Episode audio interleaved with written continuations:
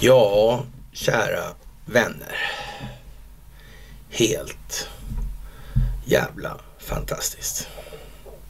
Det är fantastiskt. Tider som dessa. Det är så alldeles väldigt fantastiskt just nu. Och eh, vi befinner oss i jordens genom tiderna största stingoperation. Ja, ja, ja. Som mynnar ut i ett folkbildningsprojekt. Är det inte konstigt hur det kan bli här i världen? Nästan lite märkligt skulle man kunna säga. Vi skriver den 22 juni 2022. Mm. Mm. Då är det mitt i veckan. Det är piglördag. Och minsann, på piglördagar då är det dags för onsdagsmys. Jaha, det vet ingen hejd på allting i det här. Det kryper ihop, det drar sig samman, det blir överskådligt. Fantastiskt. Ett jättetack för allt ni gör. Ett jättetack för gåvor på Swish och Patreon. Ett jättetack för att ni fördjupar er på karlnorberg.se. Ett jättetack för att ni hakar på Telegramtjänsten. Det är fantastiskt. Fantastiskt med de här underkanalerna. Det är Trädet, det är Cornelia, det är höll på att säga Swedish Kings of Cyberwar, men i alla fall då Free People's Movement som innehåller ja, Swedish Kings of Cyberwar. Det här med Swedish Kings och Cyberwar. när Ericssonreport.com, den sidan verkar lite het. Ja, det är lite bra det där alltså. Knyter ihop säcken på något vis. Ja, visar hur det sitter ihop. Ja, hur man globalt motverkar det här. Det gick ju inte så bra i eh, kammarrätten för Huawei alltså. Det gick jättedåligt. Ja. Förbudet mot Huawei-produkter i 5G-nätet står fast. Slår alltså kammarrätten nu då fast. Mm. Det är ju konstigt. Vilken jävla motgång för Huawei. Eller? Är det så? Vad handlar det här om egentligen? Ja, det handlar om investeringsskyddsavtal. Någonting som alla de här företagen, alla Ericsson alltså, i 184 länder har med eh, de här länderna. Mm. Ska de investera så där mycket pengar i infrastrukturen då tänker de minst se till att bli kvar också. Är det bra? eh, Huawei har också sådana avtal eftersom man kan inte säga nej till det om man ja, har det i Kina från Ericssons sida. Eller hur? Mm. Det blir ju inte så bra. Alltså man måste ju skriva det där investeringsskyddsavtalet. Men sen så väljer den svenska staten i två instanser och tala om att nej, vi sparkar ut er som vi vill. Det öppnar sig en liten möjlighet för de här 184. Har de där 184 förresten kanske, några av dem kanske har skrivit på någon sån här äh, MOU. Mm. Med han förra där, eller för, ja, så. Ja, just, nej, nej, ut, utrikesministern, ja, just det. Mike Pompeo. Memory of understanding. Ja. Vad skulle det handla om för någonting? Ja, ett rent inter, clean internet, ja. Mm. Kan det vara en del i det här? Kan det vara planerat på så vis där? Ja, vad ska Ericsson säger, Var ska de stämma någonstans? I de länderna? Jag vet inte, det kan bli svårt. Det kan bli svårt. Hur tokigt det kan bli här i världen när man har otur. För tur är när omständigheter kommer till förberedelse. Så är det ju faktiskt. Ja, det var väl en liten detalj kanske för planeten kan man tycka eller tro. Men, men i verkligheten så är det ju inte så litet alltså. Det är nog en bit större än vad folk i allmänhet förstår. Och det kan man väl säga så här först som sist att de torkar ögonen så här noga. Nu är det allvar av alltså. Nu drar det ihop så ordentligt. Och det kan man ju säga är på tiden. Men samtidigt är det också så här, det här måste ta tid. Just. Varför? Jag menar själva första gången när ni kom på någonting. Så här, det var inte så att ni kom på resten på en gång. Alltså det var inte. Eh, det tar tid. Det gör det. Och det måste få ta tid. Och det är själva poängen och syftet med den här verksamheten vi bedriver. Det är därför vi måste prova så många olika och därför är vi väldigt noga med från vissa håll då. Till exempel undertecknad då att det finns ingen generell metod utan så att säga ja, man får situationsanpassa ledarskapet, upplysningen i så mått då. Mm. Och nu när folk börjar bli trötta på att vi sitter och är dryga och sarkastiska och suckar och pustar. Ja, varför är det så egentligen då? Det är väl bättre om de tröttnar lite på mig före kanske då. Och, och sen kan någon annan faktiskt fylla i det här på ett bättre och enklare sätt. Samtidigt som jag, trots att jag är dryg och, och så, eller upplevs och uppfattas som det av många, så, så är det ändå så att det drar till sig den typen av människor som gärna testar sina om vi ska säga själsliga åthävorsgränser lite grann. Mm. Och en inte obetydlig andel människor kliver faktiskt igenom den vägen och de är sen i sin tur är ju rätt så pigga på att så att säga föra det där vidare. Så är det också. Det är inte så många egentligen som aktivt bedriver upplysning som tyckte jag var jättekäck i början.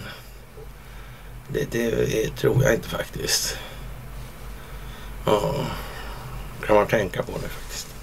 Ja, och de vill ju gärna då de här människorna som tycker det är för jävligt att vi ska eller att eh, alternativrörelsen ska så att säga slå sig samman på något vis i det här. Och liksom göra någonting.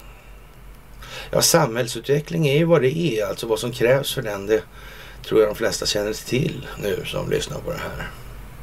Så är det också.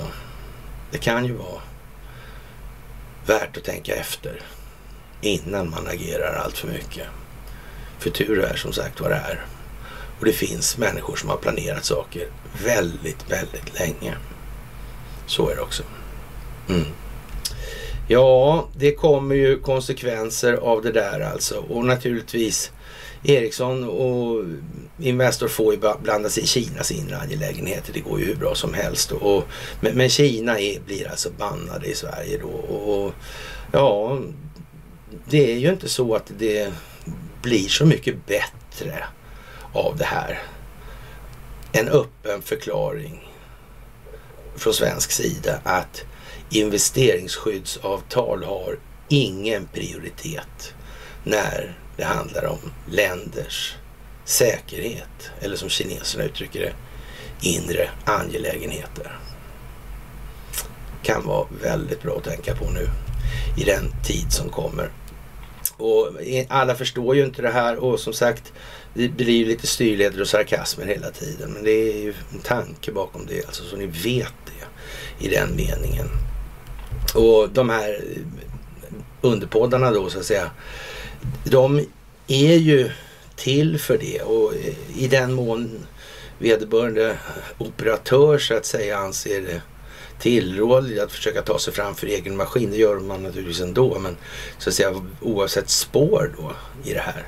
De har ju för oftast någon form av erfarenhet i sammanhanget som eh, de kan dra på. Men det är fortfarande så att det är helheten någonstans i det här som måste sammanvägas.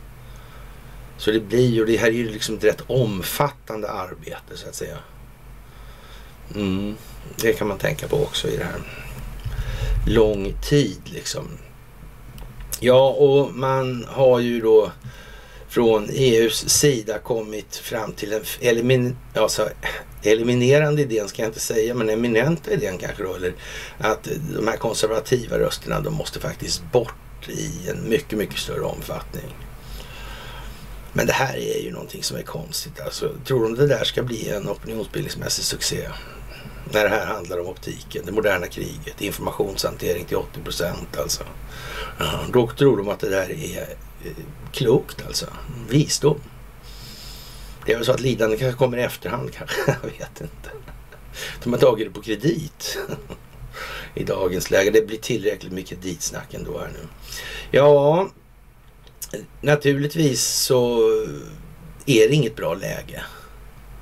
Det är ett riktigt skitläge att göra en sån grej. Det tyder ju någonstans på att det här måste ju vara förberett alltså. De gör det ju inte frivilligt. Då är det ju någon som ligger på förkant som har gjort ett planeringsarbete utifrån den här insatsen nu. Och vi har ju pratat om det, det här har varit säkert innan kommit på sig långt, lång, lång, lång tid. Och nu har ju till och med alternativmedierna i USA kommit fram till att det är nog så det är och de här, de verkar samarbeta de här, ja, han turken där och sen kinesen med konstiga namnet liksom. Och, och, och sen ondskans första eh, Vladimir Putin då. Sådär alltså. Ja, det är ju konstigt alltså. Det är ju konstigt alltså. Mm. Och, och, då, då är det ju, ligger det i farans riktning alltså att Donald Trump han ligger mer i det här alltså någonstans. Ja. Och i så fall har han ju beräknat det här. Han då, men de krafterna har beräknat det här ju. Då ska det spela ut sig på ett visst sätt. Vad kan det vara för sätt och varför måste det vara så? Det kan inte vara på något annat sätt. Ja, vi får väl se i det här. Vi har sagt det rätt många gånger och ni vet att det är lite tjatigt sådär, men vad ska hända i stora drag då? Och, och vi sa någonting om att det var någonting med EU i sin nuvarande form och tappning, någonting med NATO i sin nuvarande form och tappning och så V och Fasa också någonting med Israel i sin nuvarande tappning. Hur, hur blev det nu i Israel då? Det hände någonting där va? Det sades... Och, och, ja, konstigt det där. Och vad sa han Benjamin Netanyahu för länge sedan? Allt det här, varför väntar han bara? Om man vet så mycket saker, varför säger han inte till? Mm. Och det ska man säga. Undertecknad var inte den personen som först väntade sig att man skulle uppskatta Benjamin Netanyahu. Det ska vi inte sticka under stol med. Men det beror på naturligtvis hur stort eller vitt perspektiv har man. Hur vid är vinkeln?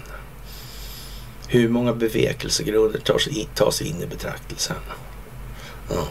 Och de måste ju hålla på rätt länge då kan man säga. Om det aldrig, det måste ju åtminstone vara då så att säga på södra sidan om 1950. Mm. Det är ju konstigt. Mm. De kanske upptäckte det här kanske redan vid, vem vet? Washingtonförhandlingarna kanske och Bosch-affären. Kan, kan det vara så? Ja, ja, det kan det vara. Kalla kriget, ja, vad byggde det på? Atomvapnet. Så där ja. Vem var den där jävla Christian Birkeland nu igen? Hade han något med Norsk Hydro att göra? Fanns det andra som hade med Norsk Hydro att göra? Skrev han några brev den där figuren? Det gjorde han ja. Mm. Fast eh, det var ju 40 år senare det small. Ja, helt tokigt. Och då var ju han den där roliga han Serafime-gubben där, vad hette han? Ja, vad hette han? Hi, hi, Hirohito hette han. Mm. Konstigt det där. Men där tycks det ha gått längre bak i leden va? Kanske. Ja, ja, ja det var Serafimer. Ja. Som sagt, det var som det var med det här. Och man har från amerikansk sida nu kommit fram till att det här är ju i alla fall eh, åtminstone till 2008. Mm. Ja, de upptäckte allt det här som vi har hållit föreläsningar om. Ja, i rätt många år så att säga. ungefär, vi har ungefär åkt runt och hållit föreläsningar lika länge som det tog för de som ja, skulle motverka den djupa staten att upptäcka den. Mm, mm, mm. Det kan vara så. Men det behöver inte vara så alltså. Det kan vara på ett annat vis också, men det kanske ni förstår. Jaha, och företag, vi har sagt att det ska rulla in då, då så här i någon form av anslag eller vad vi ska kalla det för. Alltså man slår en kil, spräcker upp en, en spricka eller vad vi ska säga innan man driver in de grövre kilarna så att säga. Och eh, allt vatten kommer. Och eh, krig mellan Ryssland och Ukraina kan pågå i åratal, sa NATOs generalsekreterare Jens Stoltenberg då. I, det här är SVT-experten. Det är rimligt att kriget i Ukraina kan pågå i åratal då. Och eh, ja, och Stoltenberg säger att det är Bildt igår, då är det inte Carl Bildt utan tyska tidningen eller mediakanalen Bildt. Det är fullt rimligt uttalande bedömer Fredrik Löjdqvist, chef för Centrum för Östeuropastudier, SKEUS. Löjdqvist är övertygad om att kriget kommer att bli långvarigt och det tror någon alltså. Det tror fan det helt enkelt. Ända där nere i pandemonium tror man det alltså. Ja, för man måste ju ändå hoppas på att man kan hålla ut på det här. Det måste man ju säga från den här sidan, eller från djupa statens sida. Det är, även om det, ja så vidare, det kommer här strax ska ni få höra något jättetjusigt. Löjdqvist är alltså övertygad om att det här kommer bli långvarigt. Och det börjar för många år sedan säger han och nu är inte vi riktigt med på vad han menar då för Eh, det var ju mer eller mindre eh, eh, en demokratiskt betingad omvälvning som skedde där 2014 så vitt vi har förstått medierna i alla fall då. Ja, vi, vi ska komma ihåg, säger Löfqvist emellertid, emellertid då, att eh, jag står inte det, det var jag som var gammelsvenska. Att det här kriget mellan Ryssland och Ukraina redan har pågått i över åtta år. Ja, det börjar 2014 va? ändå alltså. Ja, det är rimligt att tänka sig att den grundläggande konflikten kommer att pågå eh, lång tid framöver. Löfqvist har en lång karriär inom svensk diplomati. Det måste vara meriterande att ha tillhört UD faktiskt. Och, och nu skri- börjar katten skruva på sig i soffan hos morsan här och, och tycker det ska inte börja inte så där nu också. Nej, men hur som helst, en lång karriär inom svensk diplomati eller som svensk diplomat alltså. Ja, bland annat som Sveriges ambassadör vid Organisationen för säkerhet och samarbete i Europa, OSSE. Och eh, det kan man väl tycka är lite sådär, ja och posterat som svensk diplomat i Vilnius, Moskva och Wien för att nämna något av hans digra meritförteckning då här, tillägger vi då. Mm. Just nu är det utnötningskrig som är fokuserat till norra Donbass, Luhanskområdet. Det är svårt att skapa sig en riktig uppfattning om det här, men det verkar som om Ryssland fokuserar att man har en viss uthållighet. Menar Löfqvist på allvar här nu att han säger att de har en strategisk planering? De planlägger inte från förmiddag till eftermiddag alltså. Det gör de inte. och, och, och, ja, nej men det är de. Men de kör direkt alltså. Så eldsignaleringen från fronten alltså. Den går hem direkt i staben bara och så, så kör man liksom. Ja, men då vet vi ju det. Ja, vår ukrainska soldater avfyrar en M777 haubits mot ryska positioner i östra Donetsk på lördagen. Artilleripjäsen är donerad av USA alltså. Och det här är ju väldigt märkligt allt det här alltså. De här 15,5 granaterna.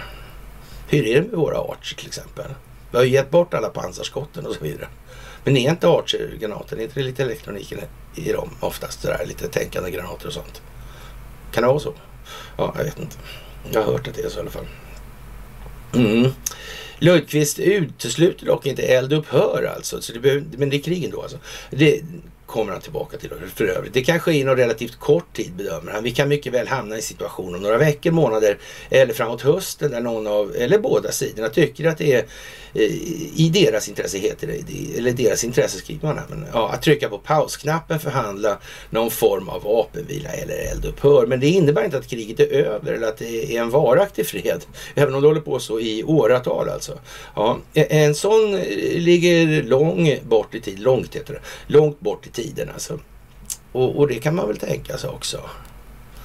Ja, för, för om man nu anser då i ett det vill säga upprättat internationellt system. Jag säger inte återupprättat av det enkla skälet att det inte har varit något sånt. Det här har varit en, ja, en globalist, globalistkonstruktion från början till slut, alltigenom. Ja, men ett upprättat internationellt system med en rättsapparat som på något vis ska vara ägnat vad det uttrycks vara alltså. Mm, så. Då är det ju lite annat kommer ta tid. Alltså de här failed state exemplen alltså. Som, och, och, det är ju tur att Zelensky gör reklam för att det ska vara blågult i år alltså. Ja. Mm. Ja, ja. Ja, ja. Som sagt, eh, ja. Eh, ekonomin den blöder alltså. På något vis. På sina håll alltså. Ja. Han betonar att Ukraina är beroende av dels militärt stöd och vapenleveranser och ammunition men även mycket omfattande ekonomiskt stöd. Ja, Europas länder kommer ju älska att få betala. Det är ju bara så. Så länge underlivsporslinet poserar som resident, ja då kommer det ju naturligtvis det rinna lite, alltså så här regnar det på klockan så ja och så vidare. Mm. Det där är ju lite Buddha nu alltså. Den ukrainska ekonomin blöder väldigt, väldigt kraftigt. Och det är ju obegripligt egentligen med avseende på de här särskilt ambassadörerna som är där för demokrati och ekonomiutveckling alltså. De blågula alltså. Det finns uppskattningar att Ukraina behöver någonstans i storleksordningen 57 miljarder dollar i månaden för att klara sig ekonomiskt. Och eh, de byxar inga stålar här, så står det tydligt uttryckt också. Det, det är hedligt för de är inte så korrumperade nu och, och, och faktiskt har de totalt eh, våldsmonopol, staten där, alltså i sitt eget land, det territorium som de hävdar. Och, och, då kan man ju undra då liksom ah, hur, ja, varför säger man, varför lägger man inte ner kriget i östra Ukraina för då? då? Utan säger man ska ta tillbaka. Har man förlorat alltså? Man ska ta tillbaka det. Fast man har det eller? Ja, om man säger så att man ska ta tillbaka det, då är det en failed state. Då är det inbördeskrig. Tydligen. Eller har vi förstått fel här nu? Eller hur menar de egentligen? Ja, det är ju liksom... Ja, här är frågan i alla fall eh, när det gäller politiska stödet då Eh, om ett eventuellt beslut om kandidatlandsstatus som väntas i slutet av veckan av väldigt stor symbolisk och politisk betydelse. Alltså någonting som är förtroendebaserat, alltså ungefär som verksamheten hos en centralbank, en ren teater, en ren chimär, en ren kuliss. Alltså, mm. konstig typ det här. Konstig typ det här. Ja, hur lång tid tar den här processen frågar man då från SVTs sida. Ja, en EU-anslutning är en väldigt utdragen process. Det kommer att hända, handla om många år alltså. ja, man kan ju så att säga uttrycka sig lite olika och ett sätt att så att säga inte få eh, ja, alla att ge upp på en gång då inom djupa staten det är ju att hålla på så här. Och varför då? då? Jo, det är därför att den breda massan som inte alls förstår det här ska så att säga vända näsan åt rätt håll då åtminstone först. Annars hamnar de liksom på kontrakurs. Och, då kommer den här märkliga situationen med ja, den kognitiva dissonansen. Mm. Inte det här lite speciellt? Får man nästan säga så här. En eh, vanlig piglördag i, juni. Ja. Jaha. Och Eh, ja, den farligaste platsen på jorden kommer vi till här nu. Och, och, det kan man ju diskutera. Vi ska gå in lite på det här. Och eh, det här är ju, så att säga, de här analyserna är som vanligt som de är eller vad de är. Och de amerikanska kan ju vara bra ibland eller ja, kinesiska kanske också är bra ibland och några andra kanske är bra ibland och så vidare. Men alla har det samma problem. De har ingen aning om det här med kammarrättens dom mot Huawei. De har inte ens koll på vad bolaget som kontrollerar telekominfrastrukturen heter. Och då menar jag inte i Sverige, utan jag menar i deras egna länder. De har liksom inte fattat att de har ett transmissionssystem som kommer från det svenska telekombolaget Ericsson. Det är ett problem. Och ja, som sagt, det här folkbildningsprojektet, det är globalt. Av den enkla anledningen att det måste vara globalt. 184 länder är väldigt, väldigt många länder av vad det nu rör sig om, 215 eller sådär. Det är en rejäl kaka, kort sagt. Och när vi kommer in på det här då så, så blir ju också analyserna lite konstigt och den här eh, historien då, den farligaste platsen på jorden då, det handlar alltså om eh, i den här konfrontationen då mellan eh, Eh, Ryssland och NATO då. Men, men, men eh, nu är det ju inte det heller då, utan det handlar ju då i alla delar om den koordinerade insatsen som görs för att motverka den djupa staten. Så de militära analyserna blir ju liksom lite vad de blir mellan varven om man uttrycker sig hovsamt alltså. Mm. Och inte bara skriker vad man egentligen tänkte först när man såg det där. Ja. Och ja, sådär. Och den här Sivalki-korridoren är ju liksom vad den är. Det är ju som en avgränsning. Det är som en linje, det är en skiljelinje. Men eh, å andra sidan så är det väl inte precis så att det är Kaliningrad enklaven som har stoppats full med luftrumsskyddsutrustning. Sådana system som är de mest effektiva. Utan anledning. Så är det nog inte. Men eh, om eh, Ryssland får för sig, för sig börja skydda luftrummet där, vad händer då? då? Mm. Hur går det för de balt, baltstaterna då? Mm. Det blir lite knöligt va? Då skulle man kunna säga att man är lite kringränd. Kanske. Men vi kommer tillbaka till det alltså. Här gör man i politiker då i alla fall eh, den analysen att eh, hur villiga är Washington och NATO att riskera Armageddon över en bit av till del jordbruksmark. Det är det här som Putin verkar vilja, skriver man där då, men har inte ens sett vilken typ av strategisk signifikans som den här hytan har. Och då kan man ju säga så här, kan de inte köpa in någon som kan säga, någon barn som har spelat något strategispel eller något för fem kronor i alla fall. Så kanske barnet kan tala om att det där verkar ju konstigt. Ja, man ska kriga om det där, för är det verkligen så det ser ut? Man vet ju inte riktigt. Jaha, och det här med BNP-prognoser och annat och, och Finansdepartementet sänker sin prognos och, och om tillväxt och sådana här grejer. Vad är det här tillväxten för någonting? Varför måste vi ha tillväxt? Varför frångick Riksbanken det här för? Vad beror det här på egentligen? Mm, det är ju en konstig pryl alltså. Och börjar man grotta i de här artiklarna så, så kan man ju säga att då, då, blir det ju skrattblandad gråt direkt. Va? Och, och, det kan man ju säga till eh, Dambergs fromma, eller vad vi ska kalla det för, att det, det eh, ja, han har inte brutit ihop än i alla fall. För det där kan inte vara så roligt att behöva hålla på med. I det här läget alltså. Och att man har minskat då, eller sänkt prognosen för den svenska makroekonomiska utvecklingen.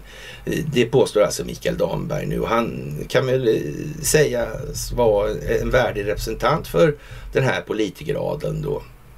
Och det väntas tuffa tider framgent då, säger Damberg och hänvisar till inflationen som lyft oväntat mycket. Ja, som sagt, det här med inflation, vad är det för någonting egentligen? Ja, det är ett inflöde alltså och de här, det här inflödet av ja, medel då göra att det, det, blir mera medel som ska beskriva eh, samma varukorg då. Och, och då innebär det att mm, på något vis så verkar det drivande på priserna då av någon anledning. Det är liksom alla eh, som säljer saker känner liksom att nu är det mer stålar i luften. Nu är det bara att höja priserna. Jag vet inte, kanske ett baklänges resonemang det här på något vis. Mm det här med ja, regn och blöta trottoarer och sådär alltså. Och, och det här med sänker BNB-prognoserna alltså. Jaha. Men, men tillväxtkravet som kommer med den ackumulerade räntekostnaden, finns inte det då? Det, det, är inget sånt. Alltså systemet i sig kräver inte tillväxt. Det går att sam, köra runt på samma hundralapp hela tiden fast det är räntekostnaden som går till banken och liksom på något vis borde ta det. För banken återcirkulerar kanske alla pengarna. De bara slänger ut dem i ekonomin för vidare konsumtion av vem som helst kanske. Eller, och då är de inte behäftade av några kostnader. Och så, nej, det är inte så heller. Nej, nej, nej, nej. De, eh, man kan till och med gå in och låna dem där för... Ja, eller hur är det där egentligen? Och ändå gör de historiskt höga vinster fast det inte är så då. då. Eller fast det är så. Ja. ja, det där kan ju vara svårt alltså, att hålla koll på. Det måste man ju säga. Alltså. Och eh, Damberg prognostiserar en svagare utveckling framöver. Jag skulle kunna säga så här till Damberg lite en passant i alla fall. Att förmodligen så kan det tänkas bli så att räntekostnaden växer alltså. Det vill säga tillväxtkravet alltså det absoluta mekaniska tillväxtkravet från de här räntebelastade krediterna. Alltså en, det kräver en ökad cirkulerande penningmängd. För de dränerar ju faktiskt det här i verkligheten. Då. Men det, nu vill man ju inte se på det på riktigt på det sättet. Och det måste man ju också göra. Det finns rätt mycket skolade ekonomer som tror att det här faktiskt fungerar, det här systemet. Så, så, och det är ju beklagligt, men man, man får trösta faktiskt med att det ja, funnits värre exempel på det där eh, genom historien alltså. Och det förhatliga Ryssland och Sovjetunionen hade ju en bra skock med, om vi ska säga så, så här, akademiskt skolade ekonomer. Det visar sig sedermera med tiden med ganska stor tydlighet vara så att ah, det där systemet kanske inte var så bra ändå alltså. Det kanske inte var liksom riktigt grejen. Och dessutom var det lätt att, så att, säga, att det kom in korruption i systemet. Mm. Ja, det där var tokigt. Det var ju inte så att det var så där jättetransparent. Det kan ju möjligtvis vara så att man bedömde då att den här, uh, ja vad hette den här James Bond? Uh, ja, Spectre kanske eller Schmerz eller vad var det? Ja, något sånt där var det. Något agentiskt. Ja, ja, ja. Det var den enda underrättelsetjänsten som faktiskt gjorde någonting för att skydda Sovjetstöten. Ja, oh, ja. Och som fan. Den andra verkar rutten. De ägnar sig mest åt eh, att bli avlyssnade och så vidare i alla möjliga olika sammanhang. Mm. På tal om stora hål i historien och i båtskrov och sådana där grejer. Ja, ja. Och eh, regeringens prognos för styrräntan är 0, höjs till 0,4 procent från tidigare 0 i år alltså. Och ja, det där verkar konstigt alltså. Det verkar som att det inte hänger ihop längre. Inte det minsta det verkar som att många förstår det. Det verkar som att förtroendet för det här systemet faller dramatiskt. Fritt söderut. Dit det luktar svavel. Ja, vad ska man säga? Stackarna, stackarna alltså. Det, det, det, kan inte vara lätt det här alltså. Och det är viktigt att politiken håller i tyglarna säger Damberg därför alltså. Och, nu, och inte lova för mycket till alla. Något som istället kan driva på inflationen alltså. Ehm, och lovar man för mycket alltså, så, så kommer det in mer pengar i ekonomin alltså. Ja, och, priserna ökar ännu snabbare alltså. Mm, I i det, den mån det nu är så att inflation är prishöjning och inte är någonting annat. Och, och det blir bara värre hur de ljug, ljuger nu alltså. Utan istället riktar tillfälliga och träffsäkra åtgärder mot ekonomiskt svaga grupper som mildrar effekterna av prishöjningarna enligt Damberg. Det, det här är ju konstigt. Varför, varför, varför gör man inte sådär som eh, eh, ja, man försöker i USA, liksom där med studielånen och såna här grejer. Mm. Det är ju konstigt. Ja, det är lite märkligt det här. Det här med skuldavskrivningar är inte riktigt prylen i Sverige. Vi hade gäldstugor under rätt lång tid. Det hade de inte i andra länder, konstigt nog. Undrar varför de inte hade det. ja, men vi kommer tillbaka till det också, så det är inte det heller. Alltså det är faktiskt någon som tog fasta på det här förleden för något dygn sedan eller så. Alltså, minskar skuldsättningen, minskar BNP alltså. Ja. Och så höjer man räntan. Är det så att man vill haverera det här? Det vill man nog inte nu. Man ville det när Donald Trump var president. Man ville det 2008. Mm, det har amerikanerna kommit fram till. Så hela Barack Obamas presidentperiod, alla åtta åren. Ja. För han finns ju med i det här med DNC-servern, hacken, Crowdstrike, separata e-postsystem, servrar och så vidare. Mm.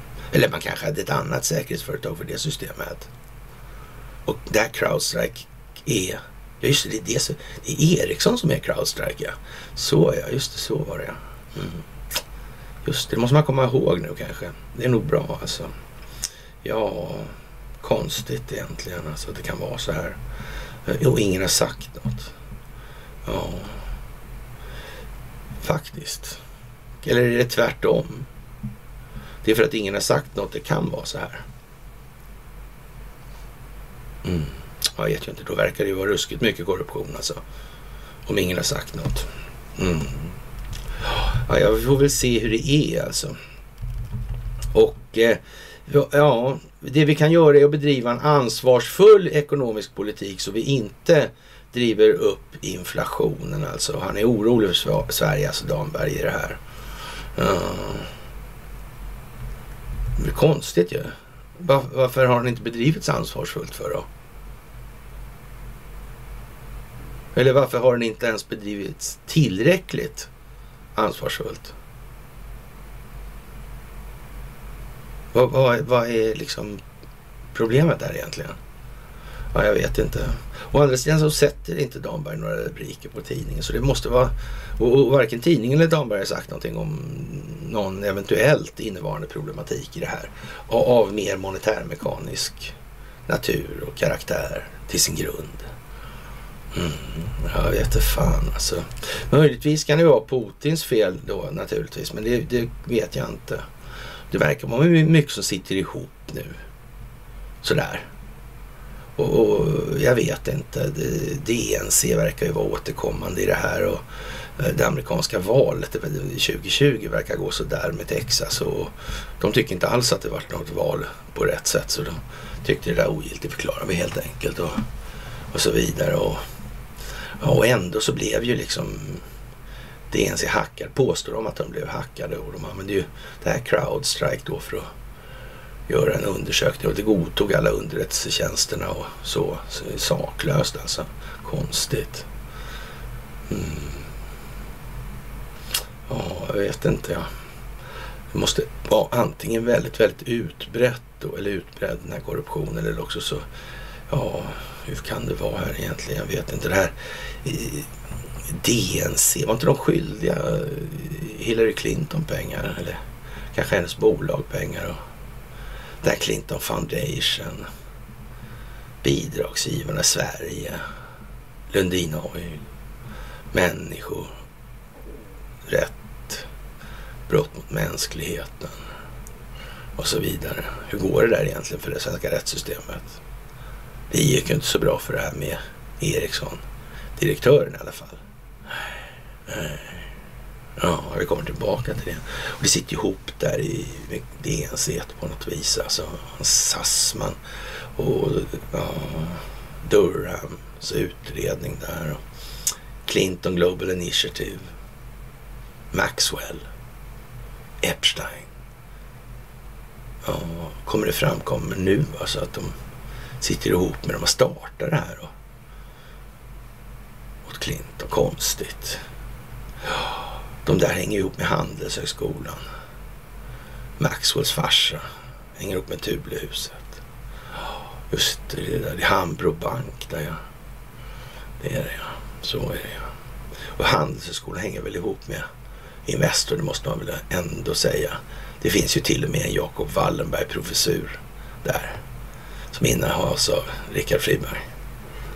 Som råkar vara gift med den svenska statsministern. Ja, Sveriges främsta expert på valutaregimen. en humanitär demokrati. Hur är det här egentligen? Ja, ja, ja, ja, som sagt. Ericsson, Handelshögskolan, Investor, Crowdstrike, DNC, Assange, Setrich och så vidare. Det verkar ju vara jävligt rörigt alltså. Kan det verkligen allt det här inträffa utan att någon har planerat? Jag vet inte om jag tror på det. Alltså. Men som sagt, det får man ju tycka det är drygt att vi sitter här och fnissar och håller på och kanske tycker att vi ska ut och göra saker på gatan istället som är väldigt så att säga, kontraproduktiva för det här med att bedriva upplysning. Att människor ska förstå sin omvärld och tillvaro i en större, tillvaro i en större utsträckning. Ja, man kan ju få idéer om att det här bygger på annat alltså. Eh, en, en sak som är intressant är den här metaforen med Sagan om ringen som börjar komma allt mer igen då.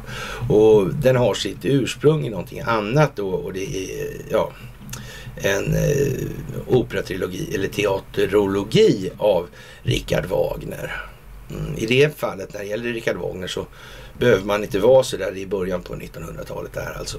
Ungefär vid tiden för eh, ja, Japan och Hirohito och, och rysk-japanska krigen och sådana här grejer.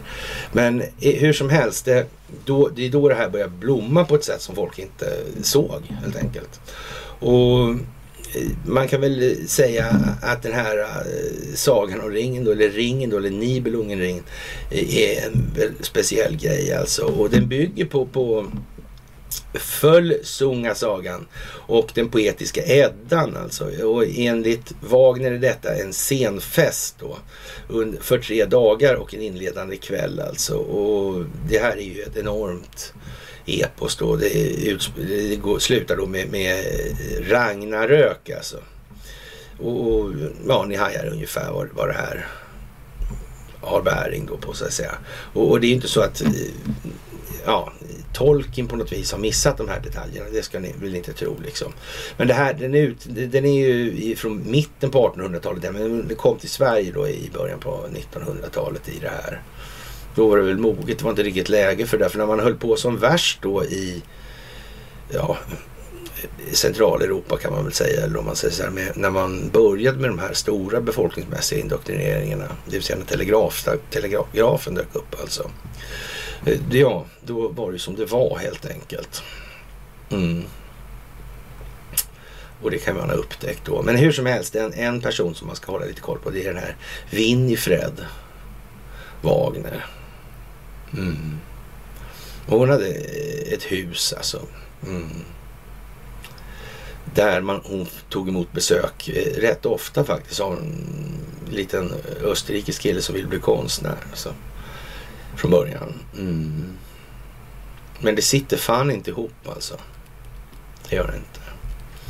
Ja, och eh, som sagt de här delarna. Jag skulle säga att vi eh, befinner oss någonstans i det, den passagen när Sigfrid växer upp, erövrar ringen och uppväcker Brunilda.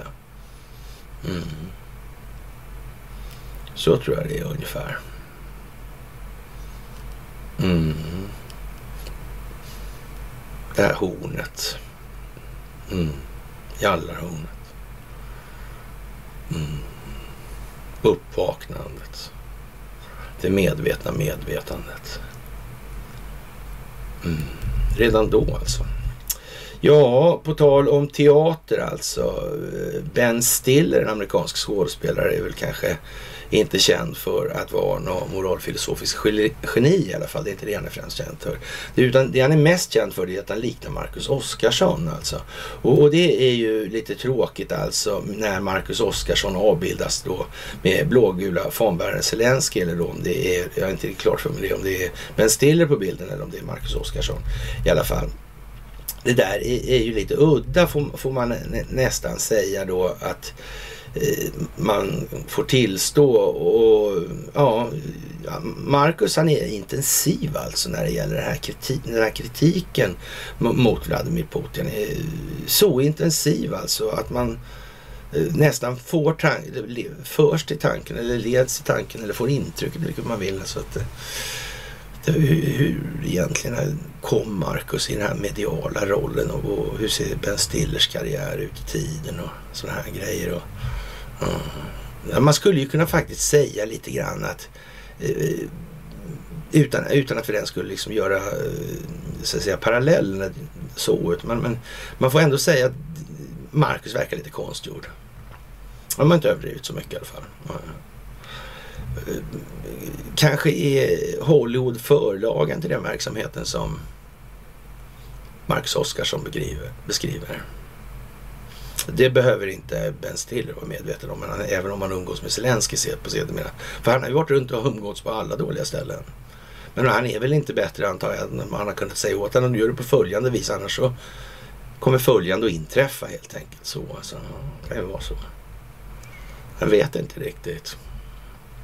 Varför skulle Hollywood eh, ha med Sverige att göra? Det ska vara för Tacke Karlsson då naturligtvis. Ja, ja, så kan man ju tänka då. Ja. Ja, ja. Redan då alltså. Ja. Marx han skriker om kommunismen. Ja. Det gjorde Tacke Karlsson också en tid. Fast han införde den i USA. ja, det är ju märkligt här hur det kan slumpa sig när man får tid då. För att travestera en känd kuplettsmakare. ja, ja, Finansinspektionen meddelar idag Svea Ekonomi och Resursbank att de haft brister i sina kreditprövningar av konsumenter som fått stora blankolån. Bankerna får därför anmärkningar och sanktionsavgifter på 45 respektive 50 miljoner då. Alltså det verkar vara så att de helt plötsligt godtar en lägre kreditvärdighet. Jag vet inte om det kan ha någonting att göra med att kredittiderna samtidigt har blivit längre och räntenivåerna har sänkts alltså. Och att det i sin tur är så att säga själva definitionen på inträdet av skuldmättnad i systemet. Jag är inte säker alltså.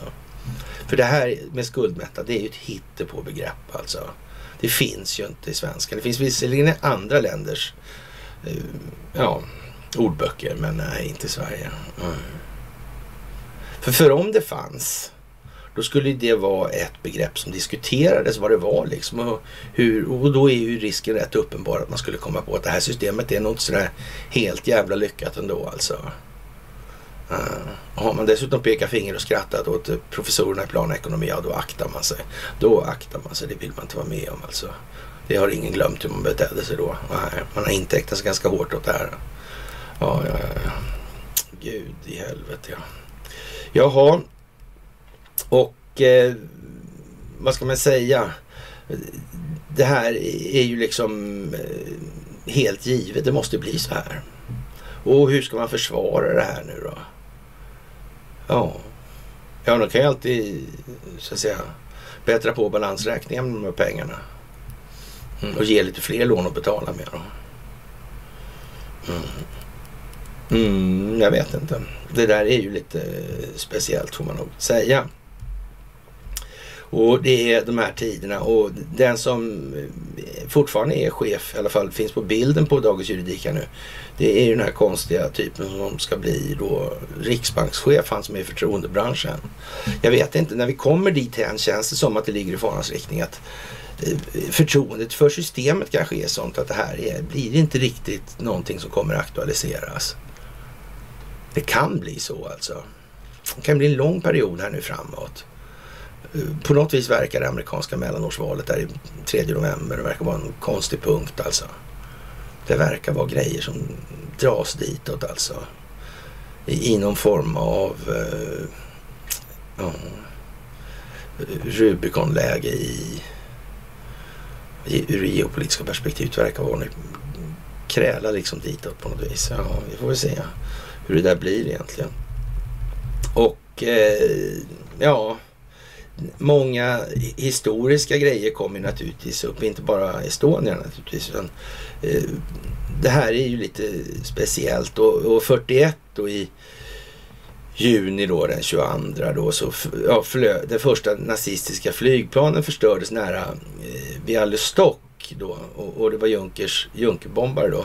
Och Junkerbombarna där, eh, inte var sådana alltså mot då, ja, författare av det här då, så, på så vis alltså. Northern Lights där utan man, som svensk tänker man ju Junke Junkebombare, ja 88, jag vet inte fan vänta tänka till här nu. Jo det var ju de där ja, Saabs logga ja, det är de där va. Det är Junkebombare. Ja. Jaha. nej men ingenting, nej nej okej okej. okej. Ja ja. Jaha och eh, ja. 16 Junkerbombare då och 9, 9 Messerschmitt och 109 jaktplan. Då. De, de eh, sköts ner av unga piloter, utexaminerade från skolor och kadetter och piloterna lyfte sina eh, MIG-plan där då utan någon order och, och ja, det där var ju som det var på den tiden. Och eh, det blev ju krismöte då för politbyrån för centralkommittén för bolsjevikiska, bolsjevikernas kommunistiska parti då.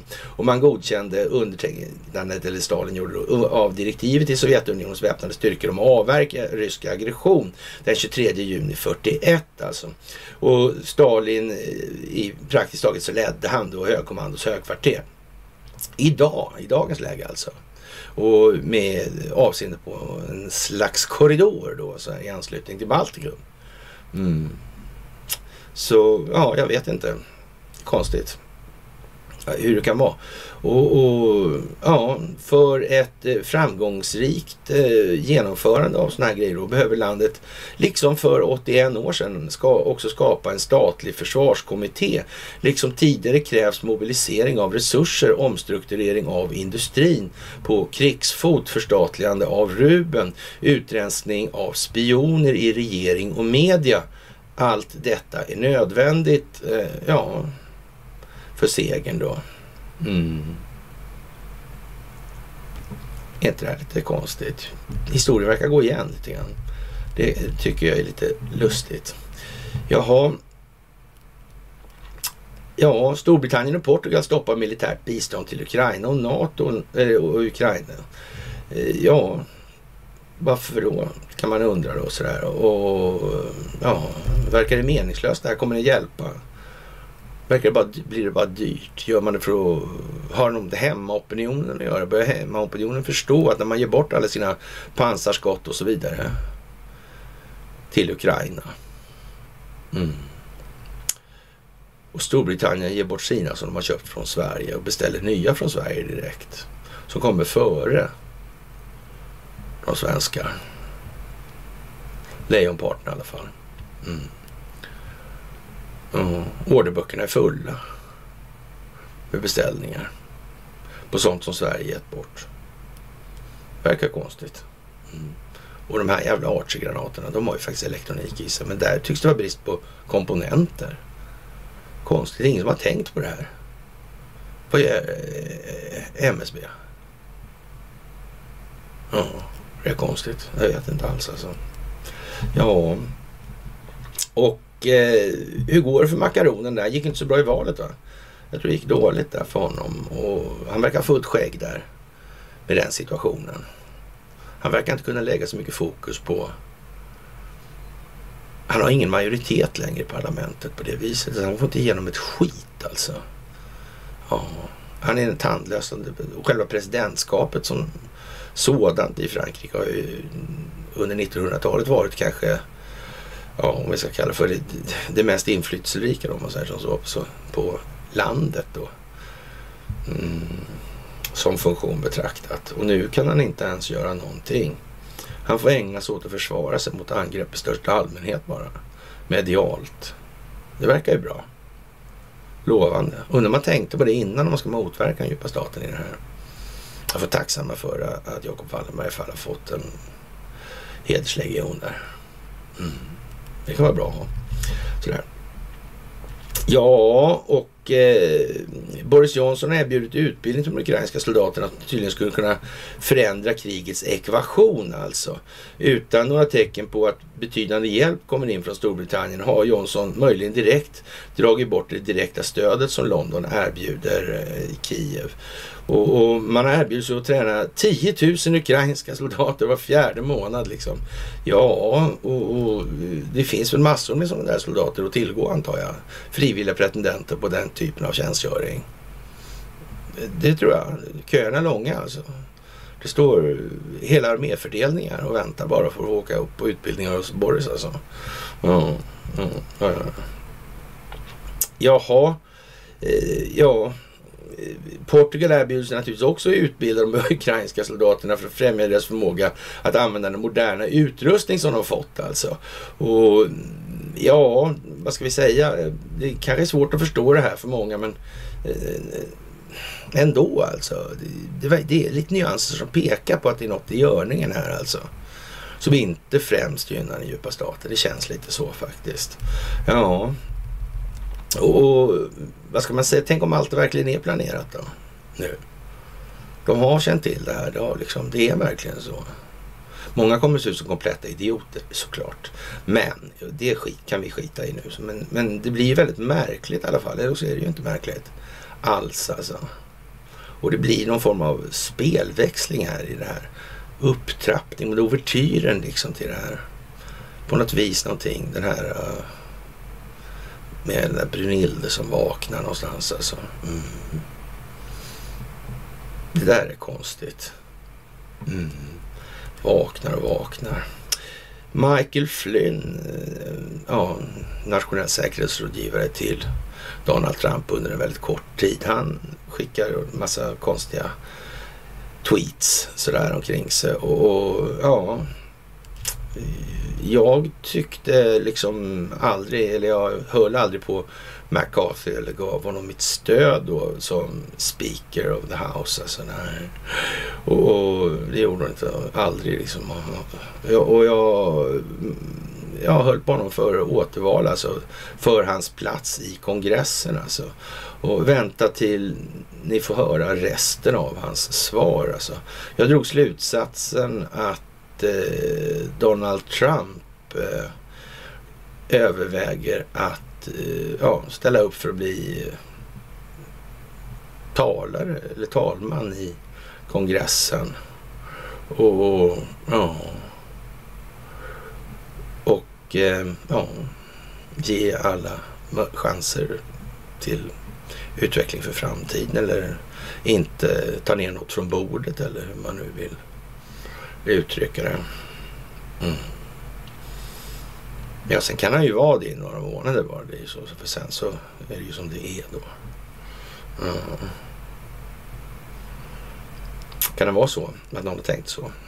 Att det ska bli så? Kan det ju vara faktiskt. Ja, ja det kanske blir lite eh, militärlagar.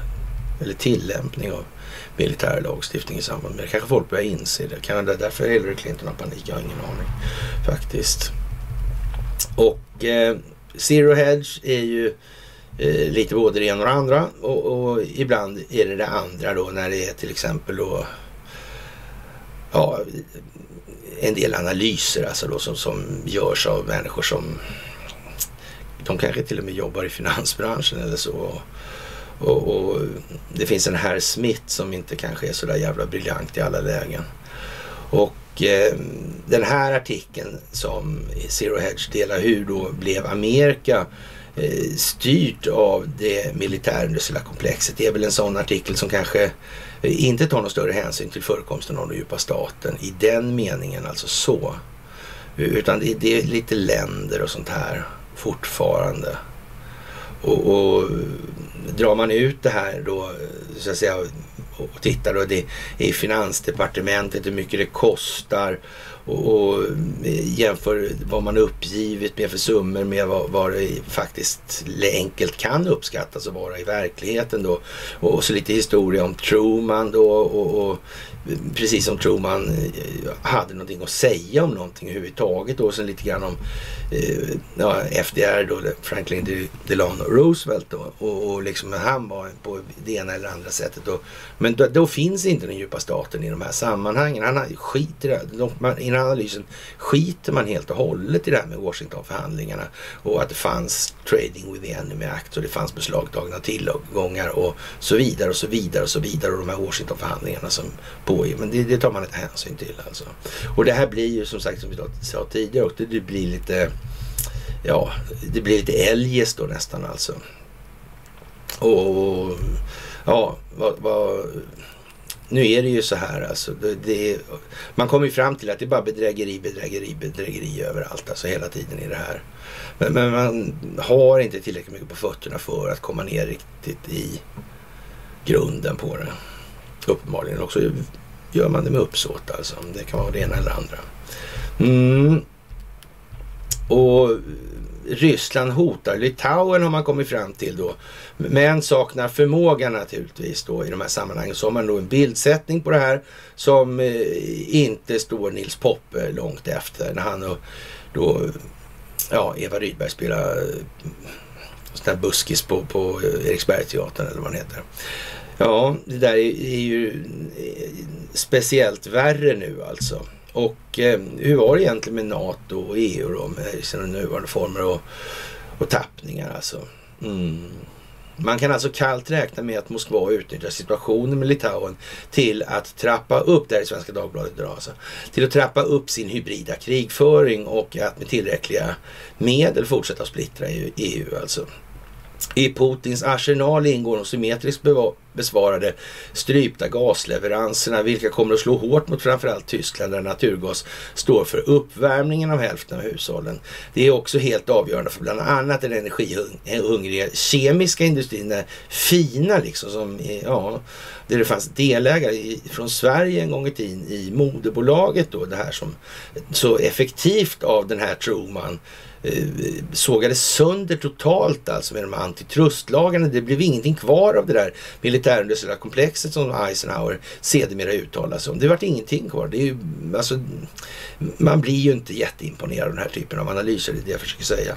Men, eh, ja, nu uttryckte jag det rakt istället då. Mm. I Tyskland varnar nu politiker för en tuff vinter och öppnar för mer kolkraft Jaha, precis som i Nederländerna, Österrike och Danmark, miljöbluffen kan helt enkelt dra åt helvete när den politiska makten havererar. Det är jag som formulerar det här alltså. Och jag har bara ändrat ytterst lite i, i deras originaltext alltså. Ja, en fråga som ställs är Eh, är frågan om vi kalla bostäder och hotade jobb i industrin kommer att påverka solidariteten med Ukraina om en svensk tiger har helt har tappat målföret. Ja, det kan man ju fråga om det börjar kyla på lite eller priset på elen kostar si och så mycket. Och det är kanske det som krävs att man då från Vattenfalls eller ja, så att säga, energiproducenterna stänger av elen till medborgarna och, och säljer den utomlands istället. Det skulle ju finnas en liksom, ganska så stark optik i det. En ganska så stark pedagogisk effekt skulle man nog kunna påräkna i den meningen. Det tror jag. Mm. Vi får se om det behöver gå så långt. Vi hoppas att det inte gör det. Jaha, och eh, ja, Putin vet exakt, det här skriver Svenska Dagbladet själv alltså. Putin vet exakt vad tyskarnas ömma punkt är. Han vet att vårt motstånd mot kriget bara är så stort som våra gasförråd, kommenterade på tisdagen tyska Bildt alltså. Och eh, EUs enighet sätts sedan på vidare prov då medlemmar som Ungern som blockerar stordelar blockerar delar av sanktionerna mot Ryssland och det kommer det instabila politiska läget där president Emmanuel Macron under tiden tvingas vara upptagen av inrikespolitiska inrikespolitiken efter helgens förlust i parlamentsvalet. Samtidigt som en försiktig förbundskal Olof Magdalena, det är jag som har skrivit det här fortfarande, Olof Magdalena-mannen eh, Scholz, Magdalena-vännen ska det vara, Scholz, alltmer högljutt kritiseras för att nu i princip öppet dra sig för att leda EU. EUs problem med Bojo och britterna ska vi bara inte tala om och sen så kommer det då en massa sådana här grejer om det här militärstrategiska då i, i det här. Alltså, Litauens EU-sanktioner mot den ryska exklaven Kaliningrad har väckt farhågor om en ny konflikt med risk för att NATO, inte, med risk för att NATO involveras. Men forskare säger att Ryssland skulle gå mot en garanti, ett garanterat nederlag om Litauen attackerades. Och, och, det behöver man ju inte göra, man behöver ju bara skydda luftrummet där. Eller så att säga avlysa det och sen kommer ingen in där helt enkelt. Litauens beslut att stoppa delar av transittrafiken till Kaliningrad har väckt ilska i den ryska ledningen. Åtgärderna som trädde i kraft den 17 juni och successivt ska utvidgas är en del av EUs sjätte sanktionspaket mot Ryssland. Men beskrivs av Moskva som en olaglig blockad. Ryssland förbehåller sig rätten att agera för att försvara sina nationella intressen varnar på måndagen utrikesdepartementet i Moskva. Alltså. Eh, Mikhail Chodorkovskij, han Jokosmannen där som eh, snodde lite oljetillgångar då, Jokos heter det bolaget då. Eh, den oppositionella oligarken som lever i exil varnar för en upptrappning. Och nu, nu är han militärstrategisk expert också. Mm. Kremls nästa steg blir en blockad av luftrummet i Litauen. På så vis kan eh, det flyga mellan Ryssland och Kaliningrad och då kommer NATO att ställas inför frågan hur de ska agera, sa han på tisdagen till Financial Times alltså. Sanktionerna mot Kaliningrad som omfattar allt från stål till kol, byggnadsmaterial och alkohol träffar en livsnerv. Regionens guvernör Anton Alikanov uppskattar att ungefär hälften av alla varor som förs in och ut kommer att drabbas av det här. Distriktet Kaliningrad har drygt 940 000 invånare och ett starkt upprustad, effekt, upprustad rysk ex exklav inklämt med Polen och Litauen. Båda medlemmarna båda är medlemmar i NATO såväl som EU då. Och som sagt, vad är det där med de två? Vad ska hända med dem? För Ryssland har en, en ovärderlig strategisk betydelse. Den är hemmabas för den ryska Östersjöflottan. Den är späckad med luftvärnsrobotar, jaktflygplan och taktiska robotsystem. Det är säkert ett annat strategiskt robotsystem där också skulle jag vilja påstå. Som kan bära kärnvapen och har ofta kallats för Rysslands osänkbara hangarfartyg. Men kan det vara så att Ryssland när de så att säga, släppte på trycket på Baltikum där och, och sådana grejer eh, hade räknat ut det här på något vis? Mm. Eller ja, snarare så att det måste gå på det här viset och nu kommer det gå åt något annat håll i det här. Mm. Vem var det som stökade till det här egentligen? Mm. Vem är det som har betalat utbildningen för juristerna i Baltikum? Eller rättare sagt, vem är det som har styrt inriktningen på det här? Vem är det som har sett till att det affärsklimat som nu råder, råder där? Ekonomin styr väl ändå politiken, gör den inte det? Jag tror det. Det här är sent i Ringensagen. Mm. Ja, faktiskt. Det är ju som det är. Den gränsar också alltså till den här så kallade Suwalki-korridoren mellan Polen och Litauen.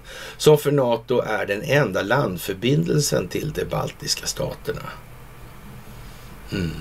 Jag stramade till sig. Då blir det till att åka båt alltså. Det är så då, man tar Estonia. Jag visste den går inte längre. Mm. Ja, ja. Men de där rederierna kring det där var det väl folk inblandade i, var det inte det? Mm, jag tror det. Samma sak med Jan Hevelius tror jag någon inblandad i också. Han kan ha någonting med varandra att göra där. Jag vet inte faktiskt. Mm. Ja, ja, Suvalki är definitivt NATOs sårbara punkt, säger förre befälhavaren för amerikanska armén i Europa, Ben Hodges. Eh, I en rapport från 2016 förut så forskarna vid tankesmedjan Rando, det är en djupa staten-institution där, eh, så det bara räcker och blir över alltså. Och att Ryssland skulle kunna inta de baltiska huvudstäderna inom loppet av 60 timmar om korridoren stängdes av alltså. Men så, och, och, och ryssarna upptäckte aldrig det här på något vis. Och en sån här grej som eh, att provocera Ryssland till att göra så här, det kunde man inte räkna ut på den strategiska planläggningsdetaljen där jobbar bara idioter med andra ord. Alltså. Fullkomliga idioter dessutom. Ja, ja, så är det naturligtvis alltså. Ja, det var konstigt. Men Ben Hodges som idag forskar vid Center for European Policy Analysis, CEPA, Eh, tror inte att Moskva skulle våga attackera ett NATO-land samtidigt som ett krig med oviss utgång utkämpas i Ukraina. Men, men om det skulle vara så då för käre Ben här att det här eh, kriget som inte egentligen kan utkämpas då eftersom i, i någon egentlig mening eftersom Ukraina eh, har en eh, lite begränsad då rättslig kapacitet skulle man väl kunna säga. Så, så oavsett hur det går i den här då och, och det, det, diskuteras ju uppenbarligen nu att många tror liksom att det, det går inte riktigt som de beskriver i medierna. Och, och det kan man väl säga så här Hodges då som här ger till känna att han faktiskt tror på det som står i medierna. Jag vet inte. Ändå, är han tillräcklig i den där eller gör han något annat? Spelar spel kanske? Jag vet inte vilket det är, men eh, kontentan blir densamma helt säkert. Utfallet opinionsbildningsmässigt är ett enda och det kommer att bli som det ska då alltså. Och eh, ja, det där verkar ju liksom oviss utgång. Jo, jag tackar jag. Ja, om det finns något de vill undvika så är det en konflikt med NATO i Litauen. Eh, står dessutom NATO-trupper under tysk ledning som skulle svara direkt alltså. Men djupt alltså. Ja. Försvarshögskolan är övertygad om att Vladimir Putin vet att han inte har en chans att vinna mot NATO. Eh, Ryssland skulle gå mot ett garanterat nederlag om de attackerar ett NATO-land, säger han. Där är eh, Försvarshögskolan, säger det, jag antar att det är, ja, så att säga, ja, barnbarnsbarnet där som är i farten och, och Paasikivi tror jag han heter också. Mm, ja. Sådär alltså. Och däremot måste man räkna med att Moskva utnyttjar striden med Litauen till att trappa upp sin hybrida krigföring och att med alla medel försöka splittra EU har han kommit fram till nu här. Man kan väl säga att i någon mån så råder det liksom en situationsanpassning även där alltså i den mediala framtoningen. Det måste man säga och det måste man se att det händer nu. Alltså man måste komma ihåg lite grann, vad sa han nyss då? För sa det ju i förmiddag sa det ju så här och nu är det tvärtom. Det var som fan. Ja. Mm. Det verkar på något vis som att man ger avkall hela tiden. Alltså lite grann, men vill inte släppa. Nej, som sagt, för det är tillsagt så då. Mm. Så är det ju. Mm. Man spelar på ett sätt oavsett om man gör det välvilligt eller motvilligt. Ja, som sagt. Det är ju lite sådär uh, svårt att, att, veta kanske om det, det ena eller andra som sagt. Och ja, som sagt, så kommer tillbaka det vi läst från början då med Putins arsenal och, och så vidare i det här. Och eh, hur ser det geopolitiska läget ut? Kommer det här nu av en slump bara? Eller är det någon som har liksom en... Och så bildsättningen i den artikeln. Ja men de fastnar på taggtråd och det ser ut som en riktig jävla pilsnerfilms... Jag vet inte vad. Är det här seriöst? Mm. Och de är med i NATO. Och, och ja, ja, som sagt, det är vad det är nu. Så är det ju. Ja, och den här... Eh, mm, att stänga ut Ryssland blir i praktiken att stänga inne baltstaterna. Det är så konstigt med de strategiska planeringsdetaljerna så att de inte kunde förstå det. Det, det kan man ju säga. Att... Eh, och då måste sjövägen då. Ja. Mm.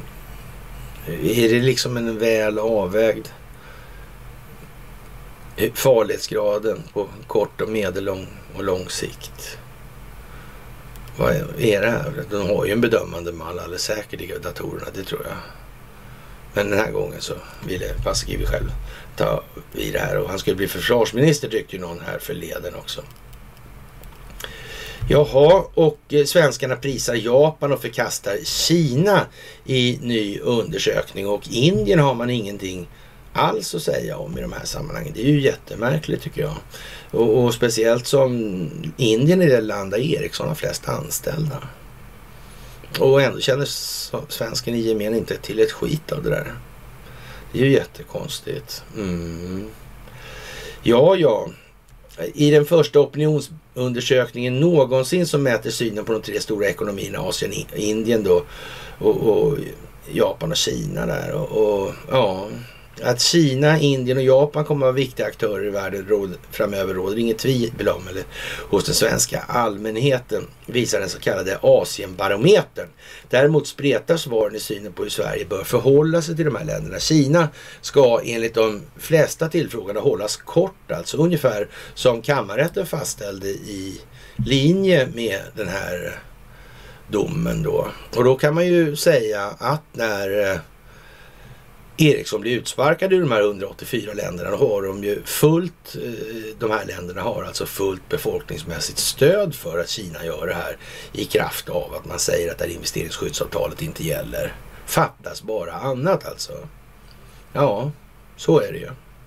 Det gäller ju så att säga att eh, göra det som man bedömer är bäst och här använder man den svenska befolkningen till vad den är bäst på. Alltså, fast det gör man från andra sidan, alltså som motverkar den djupa staten. Men svensken förstår ju inte det utan den kommer ju faktiskt tycka att det är bra. Sådär. Och blir den arg så är det ju också bra. Ja. Så hur man än gör, nu blir det win-win. Och det är ett, eh, ja en vattendelare kan vi säga. Så det är lite Rubicon-varning på den också alltså. Jaha, däremot spretar eh, svaren i synen på hur Sverige behöver förhålla sig till dessa de här länderna då. Kina ska alltså hållas kort. Alltså Japan däremot ska man Eh, Eh, vara snäll mot och ser man på med ljusa ögon. Medan Indien tycks vara ett land som många inte riktigt vet vad, vad de ska tycka om. Alltså här blir svaret ofta, jag vet inte helt enkelt. Och undersökningen är den första någonsin där svenska folk har fått svara på frågor om hur de ser på de här tre länderna. Och planen är att den ska återkomma med jämna mellanrum. Ja, det kanske den behöver göra. Men, men eh, ja, vad är det som gäller då då? För att det här ska bli någon förändring. Jag tror att det måste vara att så att säga, bilden av omvärlden måste klarna lite. Vilken roll spelar vilken spelare och i vilken funktion alltså. Mm. Så där, det är lite som... Eh, mm. Och skepsisen beror förmodligen på att media och politiker har fokuserat på de säkerhetsrisker som kinesiska investeringar kan innebära, säger Nicholas Olchak forskare vid Utrikespolitiska institutet, Asienprogram och författare till rapporten då. Och Ja, vad ska vi säga där? Det är ju naturligtvis eh, eh, märkligt för många det här. Men vi måste göra det vi gör och vi har inga val. Liksom inte sitta och tro att det här ordnar sig liksom. Det kommer inte att göra det alltså. Det kommer inte att ordnas av sig själv. Det sker genom att vi ordnar oss själva för att utgöra den förändring vi vill se i omvärlden. Eller också händer ingenting alls. Och, och det, ja, många är ju för att vi ska inte alls hålla på och tänka efter. Det är inte där den stora förändringen sker och, och det andra går på nolltid alltså. Och om vi väl är där vi bör vara. Nej, utan vi ska göra någon form av väpnad revolution som garanterat inte blir kapad och så vidare. Eftersom vi har provat den metoden i tusentals år här nu. Och det verkar inte vara liksom riktiga vägen till framgång. Vi hamnar tillbaka i samma sak hela tiden. Det är nog inte där vi ska sätta då liksom våra bästa krafter och insatser. Nej, det verkar inte vara det. Jag tror inte det helt enkelt. Ja, eh, bilden av Indien är alltså mer blandad och flera tycker att Sverige borde samarbeta med Indien mer än tvärtom. Alltså. Men, men vad gäller investeringar från Indien är man mer negativ än positiv. Alltså, det är bättre om vi tjänar pengar på dem alltså än de på oss. Det som sticker ut mest med Indien är dock kunskapen om landet som tycks vara väldigt låg då. Det finns ett enormt kunskapsunderskott om Indien i Sverige och det blir liksom en form av alienation. Där kan man ingenting om det där såklart det är för jävligt alltså. Men där ska vi inte ha hit. Jävla svin alltså, snora kärringar och allting. Ja, ja, ni känner igen det. Och eh, Ja, det finns ett enormt kunskapsunderskott alltså och det borde åtgärdas. Vi måste förstå att världen gått in i ett maktskifte där öst tar över. För att navigera i landskapet måste vi veta vilka länder vi har att göra, säger Henrik Schetan Aspengren, forskare vid UIs eh, Asienprogram. Japan däremot har svenskarna en genomgående positiv bild av. Eh, ja, de är ju med sina människoexperiment och det här i Mancheriet, Munkten och det här 31 och så vidare. Och det började med, ja, Shinzo Abes morfar och det här. Och, eh, efter det med, krigs, det med krigsbrotten efter världskriget. Man slapp undan helt i princip. Och allt det här. Mm. Kina har nog inte glömt det. Men Sverige är positiva. Mm. Var var någonstans förresten den här eh, uh, liran uh, eh, Birkeland där? Christian. Var var han var någonstans när han skrev det där brevet? Ja, det var Japan. Va? Och så skulle han åka ifrån där och båten gick sönder. Och, eller han tog livet av sig och båten gick sönder. Och avhandlingen försvann och den vanliga skiten. Ja, ja, ja, ja. ja. Man välkomnar från svensk sida i alla fall då att Sverige samarbetar med Japan. Det tycker de är fint, människorna i Sverige. Ja, ja men det kanske var bra. Men Japan är ju vad det alltså är. Jaha, och Sverige har flest, eller ja, Ericsson har flest anställda i Indien just. Det är ju fantastiskt alltså. Mm. Och eh, regionledningen backar regiondirektören Anna-Stina Nordmark Nilsson. Eh, ja, som sagt. Han har, hon har gjort ett fantastiskt arbete och Anna-Stina och jag är gamla bekanta då från den tiden då jag till exempel åkte till Almedalen och förstörde massa seminarier och sådär. Så jag snackade en del med henne. Och eh, ja, mejlkorrespondens och sådär också. Så, och, ja, hon är väl om man kan säga då arketypen för en Stockholmsbyråkrat. Hon kommer ju ifrån Norrland och i Luleå-trakten tror jag hon är ifrån. Och, och det här. Mm. Och, och, det verkar vara lite olika meningar om vad Anna-Stina egentligen har sysselsatt sig med på jobbet. Och det där är ju lite speciellt för det är 174 läkare som vill se henne avgå alltså. Och, och det är ju rätt många läkare i den meningen som, ja, tycker att eh, det bland annat är alltså 174 läkare tycker att hon är helt värdelös egentligen. Alltså. Och ja, under den här pressträffen så, så svor tre stycken till då in sig i ja, det här fältet och där Anna-Stina ingår då. Och, och hon, hon, kan vi se som en eh, ganska så bra markör på tillståndet nu. Alltså nu åker hon ut alltså. Och kraften kommer nerifrån i det här. I den meningen. Mm. Nu säger ju de här tre nej då till det. Men, men, det ska vi inte ta så allvarligt på i det här. För, för det, det, kommer sluta med att de åker ut också såklart alltså.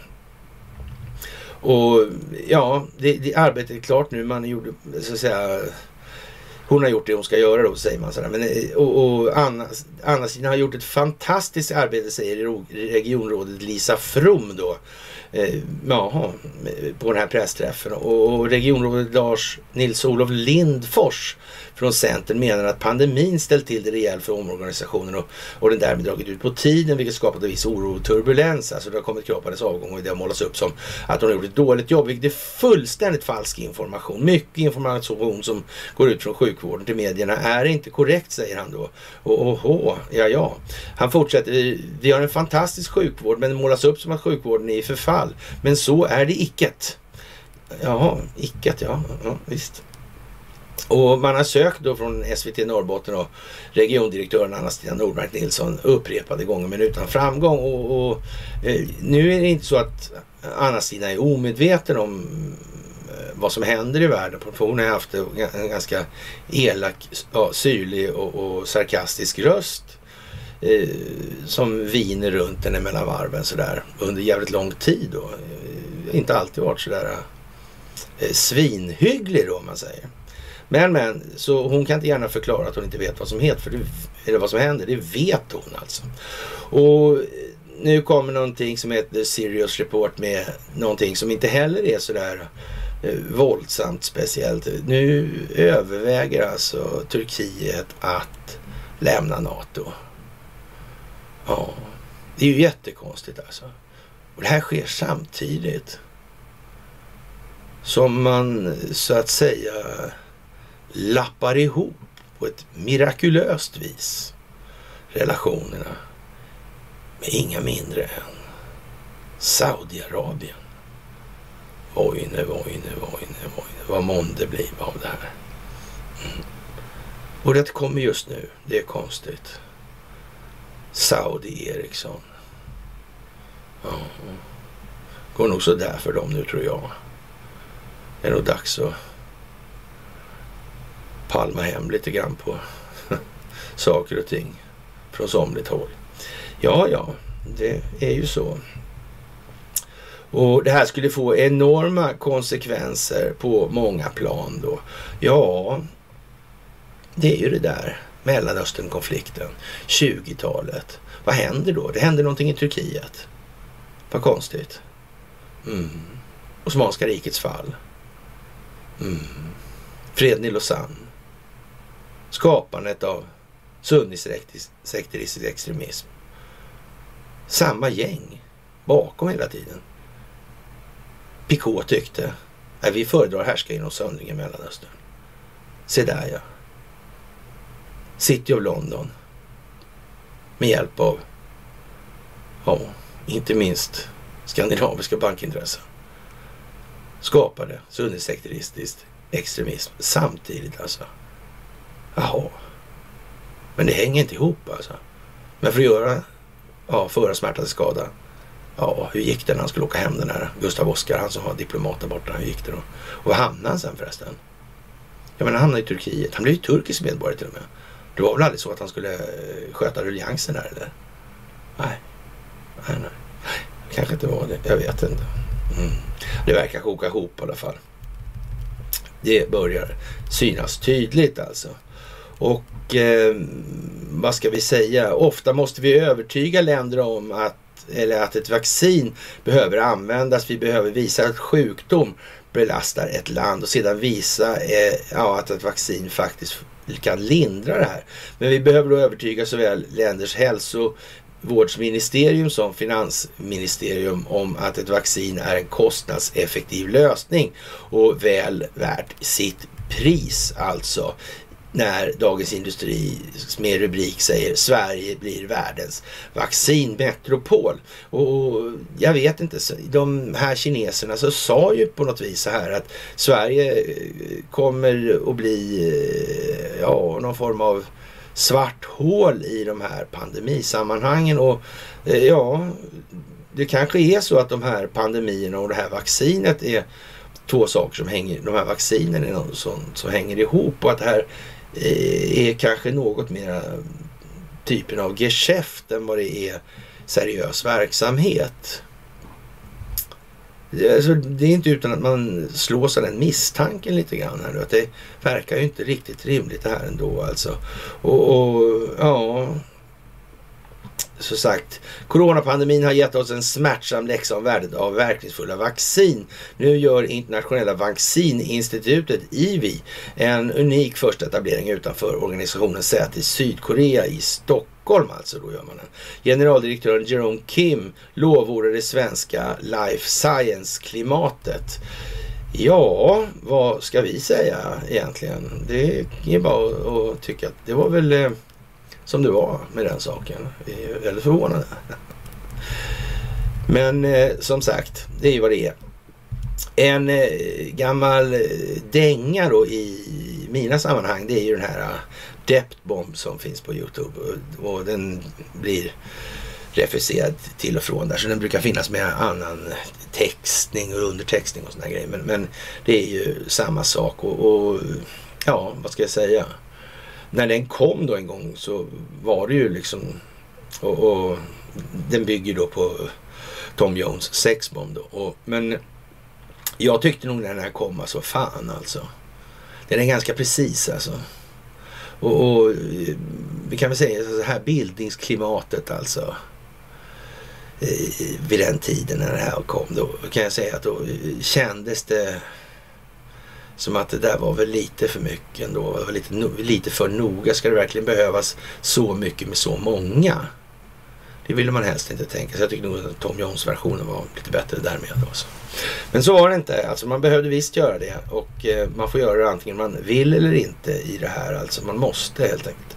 Jag somnade, eller suckade över den kommande upplysningsinsatsen och tyckte att Tom Jones var mer okej okay, alltså. I den meningen. Och Eh, ja, det här med eh, norra halvklotet och Nordpolen och det här alltså. Mm.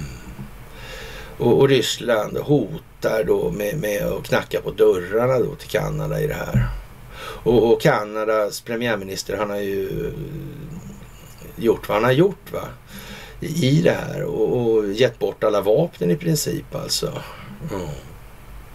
Det är ju kanske inte så bra gjort just nu alltså. Jag vet inte. Det kan vara så alltså. Ja, Trudeau predikar hög moral som luktar hyckleri alltså. Med ja, sådana här eh, olika eh, bönder som ska åka runt med eh, jordbrukstraktorerna och hålla på och grejer. Alltså. Men ja, när det kom till Ukraina där så, så ja. Han, han beslog, beslog, beslagtog ju också massa pengar från de här människorna som protesterade också. Det var också konstigt. Mm. Ja, det här är ju lite så här, men sen, det här är en sån analys som innehåller en del saker som är bra och andra saker som är mindre bra alltså. Och när han ger bort alla vapen här, då blev det ju väldigt konstigt alltså. Ja. Och USA var ju liksom glada att han gjorde det där. Och, och och, och, man kan väl säga att det här säkerställer att Kanada kommer att bli militärlöst inom en snar framtid. Det är eh, rätt så säkert att det gäller på andra länder också. Skulle vi säga att eh, Ukraina är ett sånt land. Sverige är ett sånt land. Mm. Ja. Ligger det nära till hands att man börjar ana att några fler kanske går den vägen? Vad sägs om Five Eyes till exempel? Är det någonting som skulle kunna vara en gemensam nämnare i saken. Jag vet inte alltså. Mm. Hur är det med Japan egentligen? Mm. Som ändå har större militär än vad Kanada har.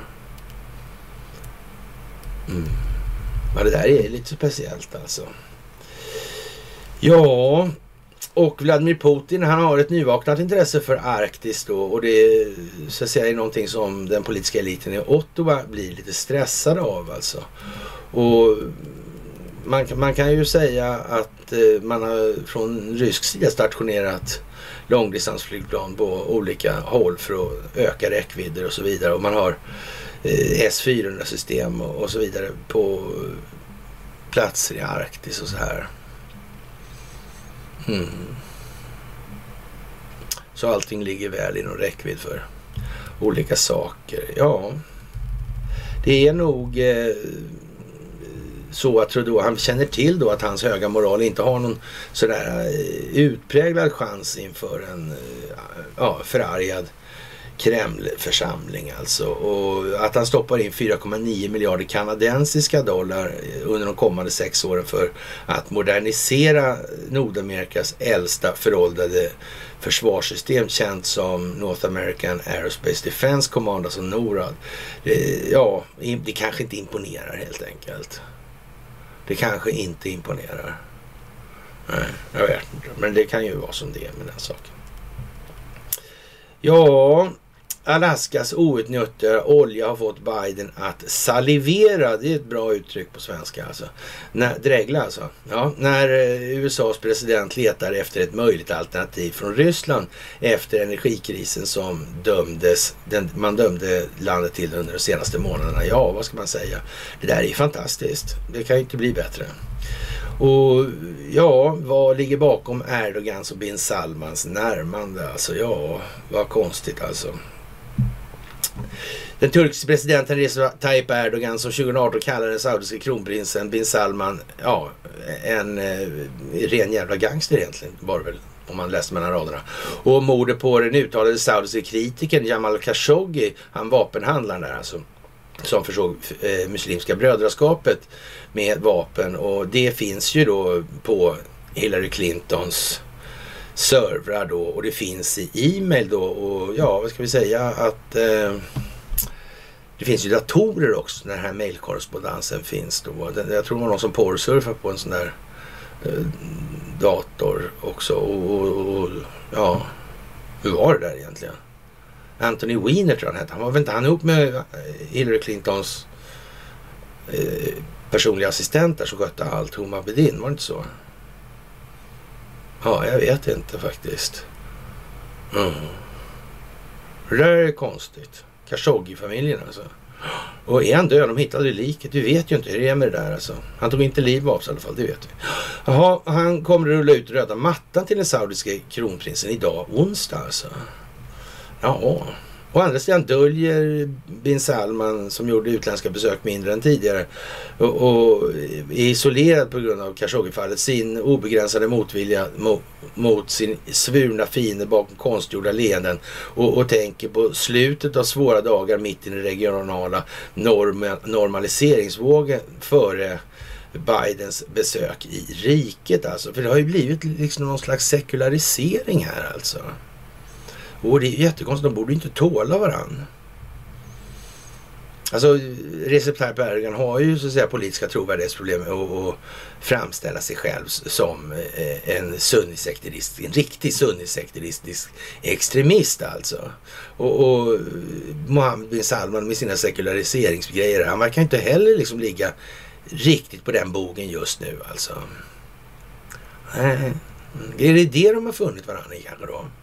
Skulle kunna vara så. Kanske det.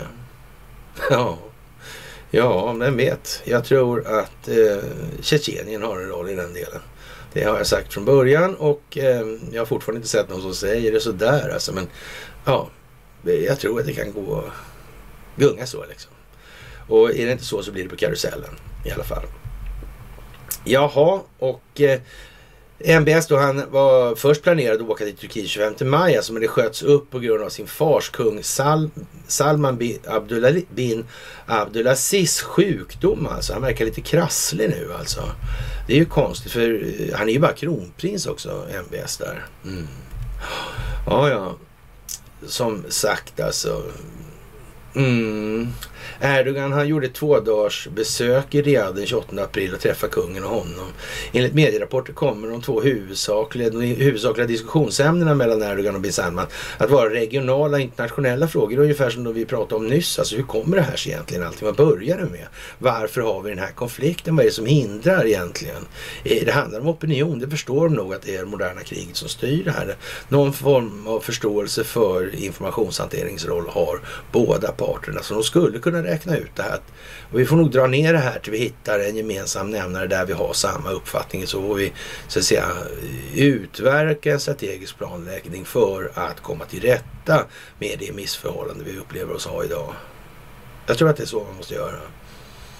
Faktiskt. Mm. Jag tror de har kommit på det, konstigt nog alltså. Ja, vilka mål är det då som Erdogan och Sal bin Salman söker bakom sin eh, avspänning alltså? Det är ju sådär alltså konstigt. Ja, vad kan det vara? Kan de ha tänkt ut det här? Kommit på det här eller? Ja, det är ju lite konstigt. Sådär. Eller så är det ju inte det alltså. Ja, och vad ska man eh, säga egentligen i, i den meningen att eh, det kommer att behöva bli tydligare. Alla tycker inte att det här är jättelätt. Fast det här är ju jättelätt. Så.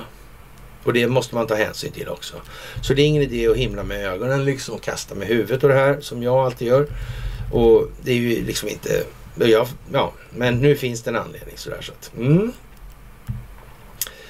Jaha, och eh, MBS han försöker hålla saker under kontroll då tills han har kontroll på dem, det vill säga han bestämmer allting. Och det kan ju, säga, det kan ju gå hastigt och lustigt i de här sammanhangen.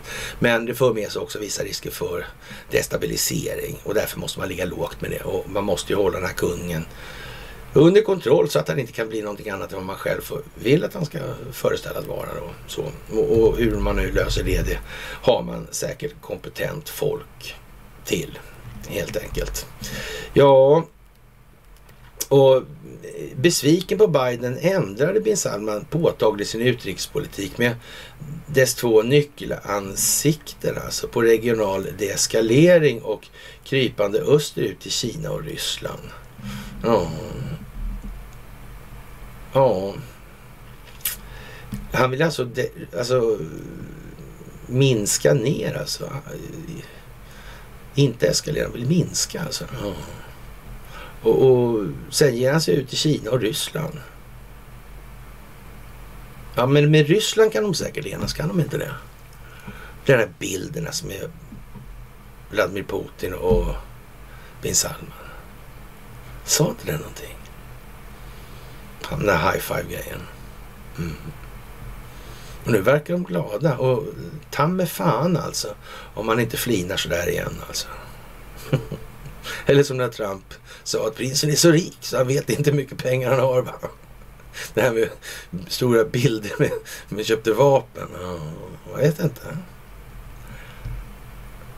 Ja. ja, det är för gulligt alltså. Och, och vad kan det här vara för någonting? Och på, i tråden under då det här inläggen eller delningen jag gjorde så har naturligtvis Conny hunnit in nu här för några minuter sedan. 15 minuter sedan. och, och, hans favoritklipp är det då när Putin och den saudiska kronprinsen gör high five där från BBC News alltså. Och vem vet, är det här planerat? Ja, uppenbarligen så vet ju, förstår ju tillräckligt många nu i alla fall, att från 2008 så är det i alla fall planerat. Och vi har ju lite lättare att se kärnans agerande i förhållande till den geopolitiska utvecklingen. Så vi kan ju säga att det är längre än så. Alltså. Och vi, vi tror oss vara rätt säkra på att det, eh, hela 1900-talet är faktiskt en, ja, en hel grej som måste så här, göras om i den meningen av geopolitisk utveckling. Det här har inte varit något bra alls. Alltså, det här har varit långt mindre än det bästa möjliga om vi säger som så för allas bästa. Mm. Så, och eh, ja, Steve Bannon, han är ju stridbar som vanligt och han eh, har haft gäster, en som heter Mike Davis. Och den här Mike Davis han tycker att Republikanerna måste inleda riksrättsförfarandet mot sju Biden administratörer då på justitiedepartementet som har så att säga betett sig på eh, ett märkligt vis och så att säga ja eh, det är liksom lite eh, av modellen sånt som hamnar i amerikansk militärdomstol över det hela. I justitiedepartementet alltså. Och, och, det kan man väl säga, eh, ja antingen har han det amerikanska justitiedepartementet en eh, bra och rättvisande funktion eller också så är Amerika färdigt. Mm. Så nu gäller det ju för dem att ta upp det här. Det här gäller då, alltså USA är inte ännu en failed state men kommer att bli om man inte gör någonting åt det här nu. Mm. Och det gör man helt säkert. återigen, vi kommer tillbaka till det här mellanårsvalet. Mm. Ja, det blir lite trevligt tycker jag faktiskt. Och eh, ja, det är gamla vanliga Merrick Garland, Lisa Monaco, Eh, ja, Chris Ray från FBI och så vidare. Och, och eh, sen borde det ju rimligtvis ställas en, ett gäng till, Jim Comey och Clapper och hela det där minivitten. Alltså. Men det, som sagt, det här är ett exempel då, där pratar man det som är direkt mot amerikanska justitiedepartementet. Då, så det, det andra får ju komma från sina respektive håll då. Ja, och så måste det naturligtvis bli alltså. Mm. Och ja, det här med att eh, Biden drar det här till världskrig och det så måste det ju se ut. Alltså den optiken måste gälla. Det här måste kokas ihop till den skandinaviska teatern i slutet av Nibelungenring alltså. Mm. Det går ju ganska väl i paritet eller i takt med vad den här operan av Wagner beskriver och den finns ju dessutom på alla möjliga vis kopplad till nazismen och Adolf Hitler i det här. Och så vidare och så vidare. Runt, runt, runt, runt. Ja, som sagt. Men en förändrad informationsrörlighetsriktning gör stora skillnader helt enkelt. NATO är ingen hemförsäkring skriver Göteborgs-Posten och den artikeln är eh, lite speciell kan man väl säga. Eh, den är ju inte precis eh, vad som alltid har stått i Göteborgs-Posten i allmänhet eller när en sån som hon Britt-Marie Mattsson öppnar käften med pennan då. Ja. Och eh, minns ni subsidiaritets Principen i början av 90-talet hördes ord ofta, inte sällan på skårande halländska, Charlie Picture alltså. Och sades det då betyda att allt inom EU skulle avgöras på lägsta ändamålsenliga nivå. Det mesta som arbetsmarknad, försvar eller välfärd. Det var därmed utom EUs räckhåll och inget att oroa sig för. Och eh, vad ska man säga? Den som då hävdat att allmännyttans hyror och organisering av post och järnväg skulle komma att styras av EU-direktiv hade dumförklarats. Att ordet försvunnit beror därför inte bara på att det är obegripligt byråkratspråk utan för att det skulle kunna påminna oss om hur mycket av det som sades vara i bästa fall naivt, i värsta fall medvetet vilseledande alltså. Och, och det verkar precis som att man från Göteborgs-Postens sida har kommit på någonting här nu. Mm, eller det kanske man inte ska säga, utan det verkar precis som att eh, eh de utdelade stacklen eh, förefaller i alla fall ha kommit till en ökad användning just nu. Så tror jag man kan säga, utan att överdriva då. Och eh, ja, sättet att sälja in politik eh, kommer för mig eh, när nu en S-regering och nio utnyttjar en kris för ett politiskt lappkast. NATO-medlemskap fullt ut men absolut inga kärnvapen här. Fortsatt kamp för nedrustning men först massiv upprustning och så vidare. Att NATO-Sverige skulle bli kärnvapenfritt är ett påstående mot bättre vetande. När general Christopher Cavoli ny nyligen skulle godkännas av senaten som befälhavare för NATO i Europa beskrev han Gotland som ett osänkbart hangarskepp. Tror någon att USA skulle avstå från att positionera sina mest kraftfulla vapen på denna perfekt placerade plattform? Alltså. Den här gången behöver regeringen inte frukta någon folkomröstning. Utrikesminister Linde förklarade omtänksam att sån här polariserar, en sån polariserar och river upp sår i befolkningen. Alltså skapar alltså oenighet alltså. Och, och, det är bäst att de inte har, får de inte så behöver de inte bli osams alltså. Nej, får de inte rösta så blir de inte osams om vad de röstar på heller. Mm. Dessutom är ämnet så hemligt att det inte kan diskuteras med folket. Nu har blixtanslutningen fått lite turkiskt grus i maskineriet. Ann Lindes utrikesdeklaration förra veckan var därför en ren bilaga av ett NATO-ansökan riktad till Turkiet. Sverige kommer solidariskt att bidra till hela NATOs säkerhet, inklusive Turkiet, sa hon. Och framförde i samma andetag med tydlig adress till Erdogan att en att ny skarpare terroristbrottslag träder i kraft första juli. Vilket då kan tänkas, eh, ja, vara en eh, liten eh, signal på att vi ska reagera. Det kan ju tänkas gälla oss, alltså som medborgare i det här. Är det där en lämplig lag för oss kanske? Jag vet inte. En lag som är så vid att Nelson Mandelas ANC, som även hade en väpnad gren, lätt hade kvalat in. Den nya lagen har därmed gjort de flesta apartheidmotståndare från Palme till Gyllenhammar till brottslingar. Bara Moderaterna och extremhögern har gått fria. Ja. Samtidigt som Erdogan återigen hotar med en av sina eh, specialoperationer mot kurderna i Syrien undersöker Linda att medlemskapet kan förändra förutsättningarna för krigsmaterielexport. I klartext kan svenska robotar komma att användas mot de som drev ut IS ur Raqqa. Raqqa. Eh, så mycket för folkrätt och solidaritet alltså. NATO är ingen hemförsäkring alltså för att göra våra liv tryggare.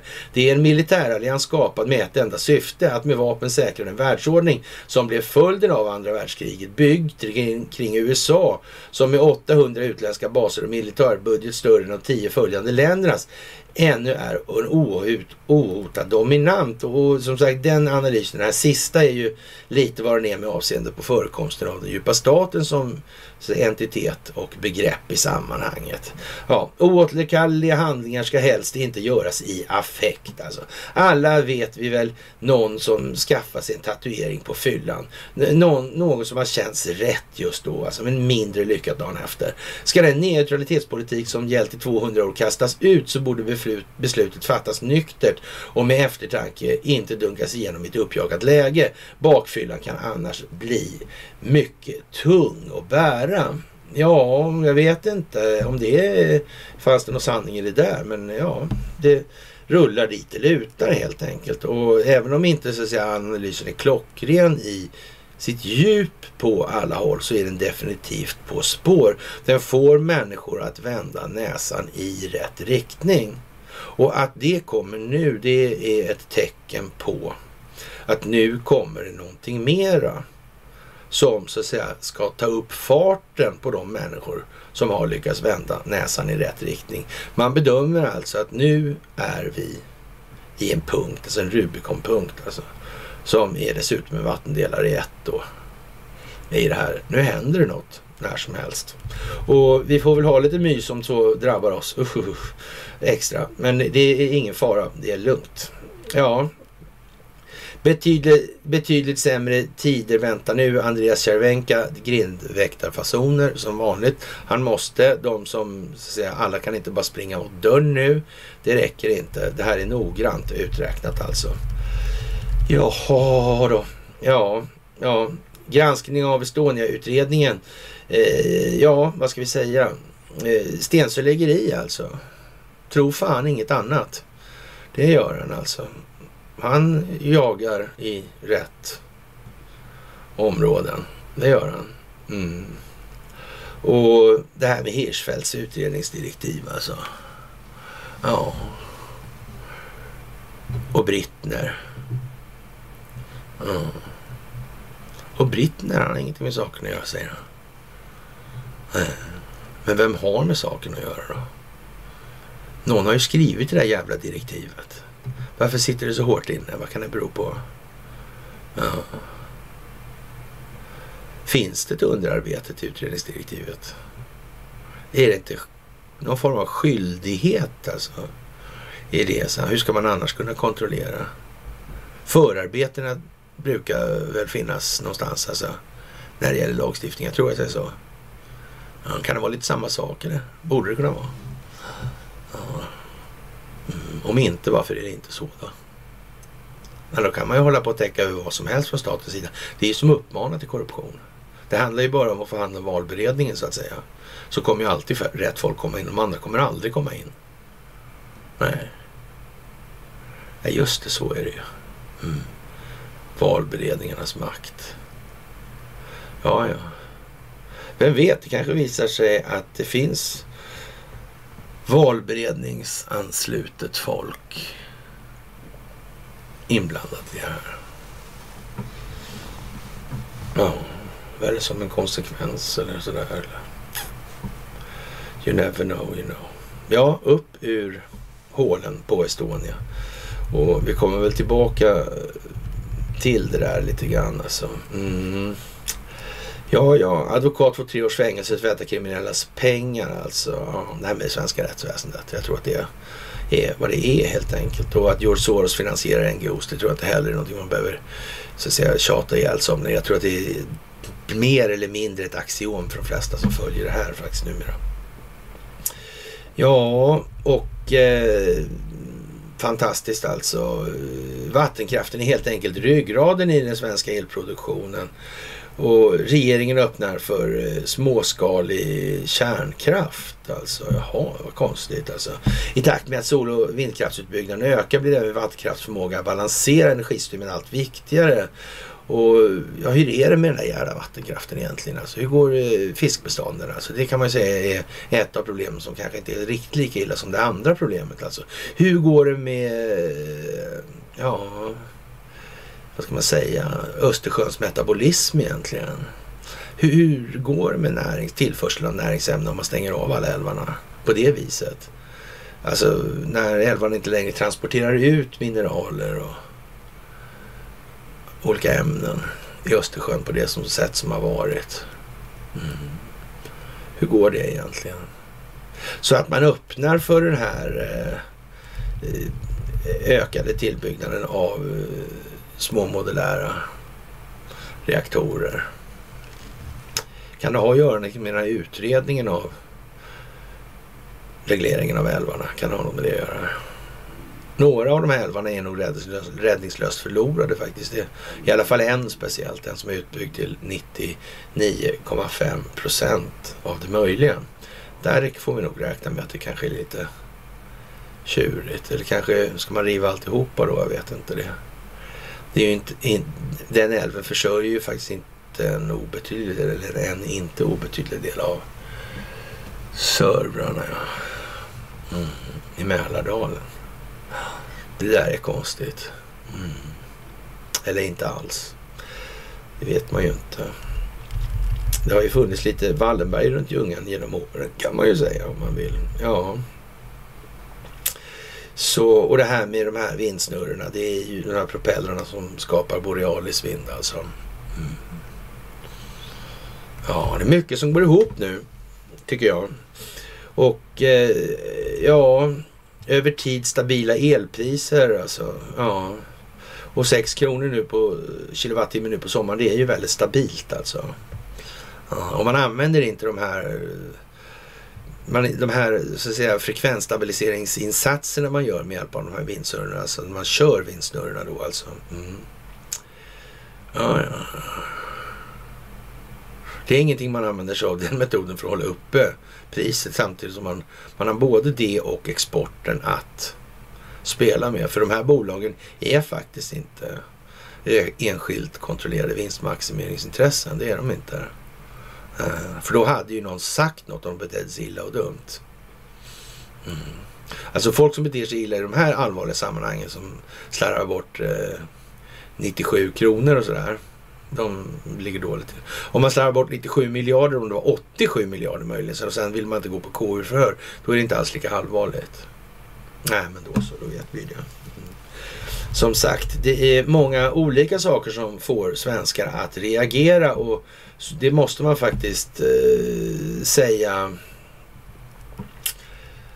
Det här är speciellt nu alltså och jag tror att många kommer liksom... Eh, oh, vem fan tillverkade den där grejen som skulle upp till Ånge? En vanlig jävla transformator. Ja. Men nu har de ju lättat på reglerna i alla fall. Vad var det där för något egentligen? Mm. ja en sak är helt säker. Alla vattendragen runt om vi säger som så, Calcutta, kommer inte behålla all sin reglering. Nej, det kommer de inte att göra. Ja, vad ska man säga? Mm, omvändling under galgen kanske alltså. Ja, ja, som sagt. Ännu en dag, ännu en, ska, ännu en skandal suckar ojsan skojsan nästan. Nej, men det kan man väl inte säga sådär. Och han börjar då ge sig på eh, advoka, advokatyrens protegéer här nu. Och jag vet inte riktigt om, eh, vad ska jag säga om det där liksom. Är han helt slut i huvudet nu ojsan?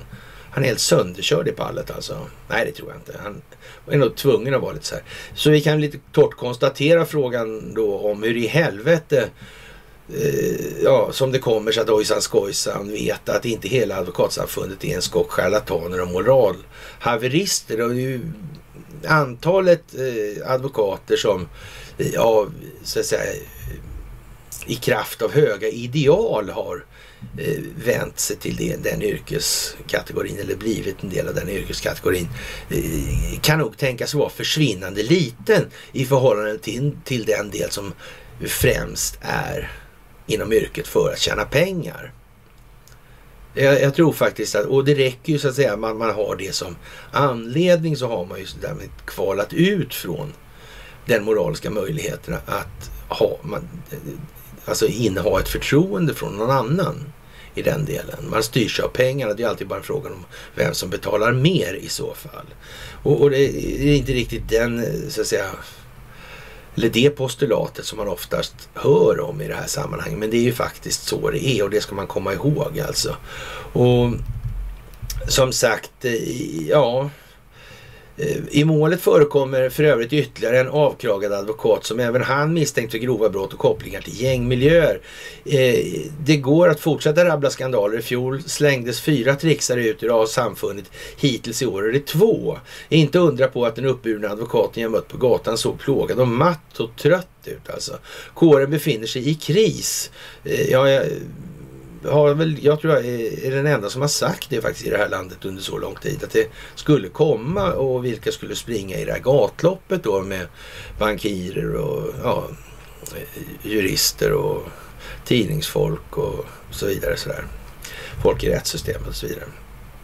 Och eh, jag tror de flesta börjar se nu att eh, ja, vi verkar ju hamna där också på något konstigt vis. Och, och helt eh, apropå ingenting så kan det vara så att vi har vägt samman då det här i, till en helhetsbild och därför hamnar vi där vi hamnar. Och vi Eh, har på något vis tagit ett utgångsläge i vår betraktelse och, och sen har vi utgått från det hela tiden och sen har vi möjligtvis korrigerat det efterhand under resans gång där det så att säga måste se, ske en situationsanpassning till rådande miljöer och omständigheter inom, för den möjliga opinionsbildningen alltså.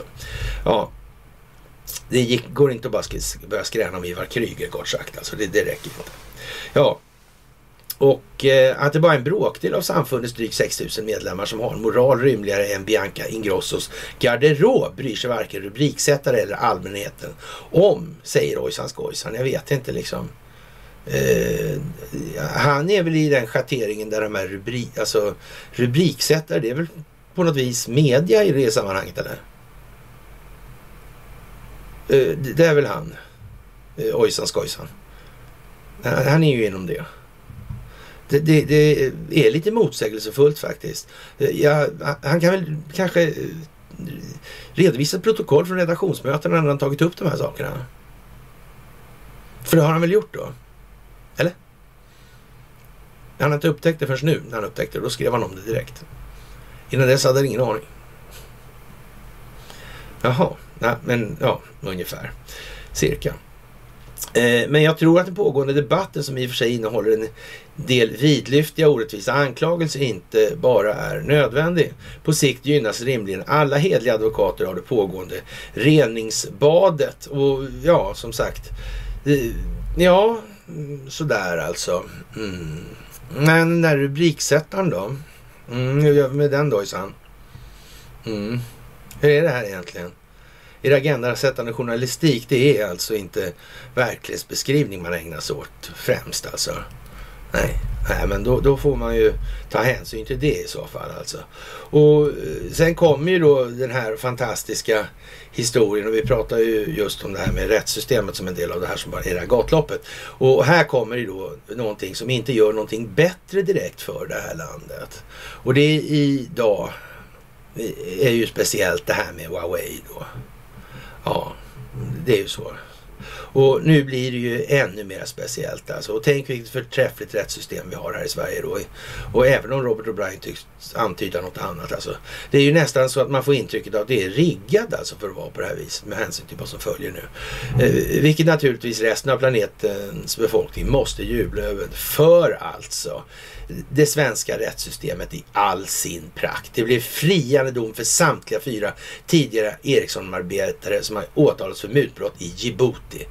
Ja, vad ska man säga? Det är klart att vi har gjort en annan bedömning av bevisningen och slutsatsen av den annars hade vi ju inte väckt åtalet, säger åklagaren Mats Jansson till DI och ingen är så jävla dum idag så han inte fattar att åklagare, det är ju nyckelposition om man alltid ska vinna mål. Inte fan har väl djupa staten tänkt på det eller? Det är ju den som väcker åtalet. Ja. Mm. Tänk, alltså, ja. Tänk på hur seder och bruk inom det svenska rättssystemet egentligen är. Egentligen alltså. Det måste man komma ihåg nu. Ja, Solna tingsrätt frikänner alla fyra åtalade för ansvar kring de mutor som Ericsson betalade ut för att vinna ett 3G-kontrakt i Djibouti runt 2011. Nu ska man inte hänga läpp för det, för det amerikanska justitiedepartementet har ju inlett en ny här nu. Så det behöver ingen oroa sig för, men det handlar ju om var någonstans Alltså inom vilken jurisdiktion ska det här hanteras? Det, det verkar på något vis som att man kan konstatera nu att eh, vi i flera sammanhang, till exempel med Huawei-härvan, då har man två stycken rättegångar till grund för att, eh, ja, det är bara att sparka ut Huawei mm. och öppna dörren för att Ericsson ska bli utsparkad. Ja. Och i det här fallet så minns vi alla då hur det gick för Fiskögat och Gulnara Karimova i den delen. Ja. Och, och, det kommer vi till här nu att Solna tingsrätt frikänner alltså alla fyra åtalade för ansvar i den här härvan då. Enligt rätten har inte Riksenheten mot korruption kunnat leda i bevis att de personer som tagit emot pengar haft en sån tydlig koppling till, till de vunna affärerna på, för att grundrekvisitet för mutbrott ska kunna anses vara uppfyllt. Alltså för, för att mutlagstiftningen ska bli tillämplig förutsätter att påstådda mottagare är mutbara. Det vill säga att de måste falla in under en begränsad krets av personer som kan göra sig skyldiga till mutbrott enligt den vid tidpunkten tillämpliga lagstiftningen, skriver tingsrätten. Är ribban för högt lagd då kanske för att, att bevisa tjänstesamband? Eh, jag kan bara konstatera att i det här specifika fallet ändå tycker att tjänstesambandet är, som är beskrivet som det är beskrivet i lagstiftningen just nu var uppfyllt. Sen kan man naturligtvis alltid diskutera om gällande lagstiftning är ändamålsenlig. Men det gäller på alla rättsområden, säger vice chefsåklagare Mats Jansson som lett förundersökningen på Riksenheten mot korruption till Dagens Industri. Högst i rang av de fri, fyra frikända var Anders Lindblad, vid den tiden regionchef för Mellanöstern och Nordafrika. Så småningom kom han också att ingå i den tidigare vdn Hans Westbergs ledningsgrupp till han Verizon, ni vet, om ni undrar vad det här barkar sen efter nu alltså. Mm. Vår reaktion, det, det, är ingenting som amerikanska justitiedepartementet missar alltså så, men de måste ha en ingång där också. Ja, och nu har de den. Ja, vår reaktion på domen är att i princip exakt så som tingsrätten nu skriver har vi också skrivit till åklagaren inför åtalsbeslutet. Vi var väldigt nöjda med att vi har fått bekräftelse på att vår uppfattning om vad som hänt har bekräftats av domstolen, säger advokat Staffan Bergqvist, försvarare för Anders Lindblad till DI. Och det är klart att alla som figurerar i de här sammanhangen utifrån sina uttal kan tillmätas någon form av moralisk hållning. Det är ju bara så. Men det duger ju liksom inte säga för de som jobbade i koncentrationslägren att jag lydde bara order. Så här var reglerna. Nej, det räcker inte. Det räcker inte. Man har ett ansvar som människa. Man har ett ansvar för sin egen personliga det kan, eh, utveckling. Sin egen förståelse för sina egna känslogrunder och värderingar. Det duger inte att säga nej, det har jag lärt mig om honom eller henne. Det är deras fel. Nej, det räcker inte alltså. Jaha, och eh, ja, Eh, vågar ni andas ut nu eller förväntar ni er att åklagaren överklagar? Vi förväntar oss att åklagaren inte överklagar. Det finns ingen utsikt att hovrätten kommer att göra någon annan bedömning. Nej, men enligt Mats Jansson är det dock sannolikt att det blir ett, åklagaren alltså, blir ett överklagande. Jo, det är mycket som talar för det, men jag har bara hugnat igenom domen, domen, säger han. Enligt domstolen har åklagaren inte lyckats styrka att Djiboutis justitiekansler och president har haft uppenbart inflytande över det statliga telekombolaget Djibouti Telekoms beslut att ge uppdraget till Ericsson att bygga ett nytt 3G-nät. I åtalet har Riksenheten mot korruption kunnat leda i bevis att Ericsson betalade ut stora pengar till ett konsultbolag för arbete som aldrig utfördes. Konsultbolaget ägs av hustrun till justitiekanslern. Eh, ja, men något samband var det ju inte. Ett jävsförhållande som utlämnades i den due diligence-rapport som togs fram för avtalet med konsultbolaget. Här. Av beslagtagna interna mejl på Ericsson har det också framgått att pengarna skulle slussas vidare i den innersta regeringskretsen i landet på Afrikas horn. Ericsson har också på bolagsnivå erkänt mutorna, alltså det har man erkänt i USA. Och, och då kan man ju tycka att då, då, om de så att säga erkänner där på den nivån så blir det ju, om man inte kan hålla någon ansvarig för det här, då blir det ju inte värt något heller alltså. Och resten av världen kan inte ha den situationen. Ja, och i samband med, gjorde man det i uppgö, samband med den uppgörelsen som träffades med amerikanska justitiedepartementet och Finansinspektionen 2019. I och med att domstolarna kommit fram till att pengarna gick till fel personer har den stannat där i sin bedömning. Tingsrätten har inte heller prövat om eh, frågan om de tilltalas inblandning i transaktionerna i deras uppsåt, skriver rätten. Eh, ja, Domen är mycket snarlik den eh, som 2021 slutligen friade Telias VD Lars Fiskögat Nyberg och två höga chefer i två instanser från anklagelser om mutbrott. Även då var kärnan i beslutet att varken tingsrätt eller hovrätt ansåg att diktatorsdottern Gulnara Karimova, den påstådda mottagaren av mutorna, ja, hade formell ställning att påverka Uzbekistans beslut om tilldelning av mobillicenser. Det verkar, vara något, det verkar handla om det svenska rättssystemet, jag tror det. Och återigen alltså. Nu föreslår jag att eh, en hel del ytterligare av alternativrörelsen tar och slår ja, ihop klackarna och gör ett marschanträde nu alltså i rätt riktning. Det, det verkar liksom fånigt att det ska behöva vara på det här viset. Det, det, det måste vara uppenbart vad det är som sker nu. Och då hjälper man till i rätt riktning. Det här blir ju bara snett. Att folk tröttnar nu och vill att vi ska göra annat, det får man också förstå alltså just nu. För, för nu det, blir det uppenbart och då vill man dra bort folk från det med varje möjligt till stående medel alltså. Det här är inte populärt nu på alla håll och kanter. Och det kommer en del käcka hotelser och skit och liksom. Och ja, vad ska vi säga? Jag har drivit nattklubb i ett par decennier i Stockholm. Så då. Så ni får skicka på helt enkelt. Det får göra läskiga grimaser på bilder och sådana här prylar. Alltså. Om det ska bita i den delen tror jag. Jag tror inte det räcker ändå faktiskt. Ja, och Ryssland har passerat Saudi som leverantör till eh, an, eh, annat land och med, med eh, en ja, moderat blygsam befolkning. Det var Indien alltså. Jaha, ja, ja, ja, ja. Mm. Ja, det är väl aldrig så att de har gjort upp det där bakom ryggen dessutom, dessutom innan. En sån som Mohammed bin Salman och Vladimir Putin. Det är inte så, nej. Nej, nej. nej. De har inte koll på vad som är ett problem. Och, och tror ni inte att Conny har lagt in den här Saudi och Putin high five en, en gång till på den kommentaren från, eller det inlägget från igår alltså. Och ja, det är ju som det är alltså. Och Lundinåklagaren tycker att det inte är rimligt att målet ska vara vilande. Det verkar vara det, Sven. Och det är ändå inom ramen för vad som äger rättslig grund alltså. Det verkar vara tokigt.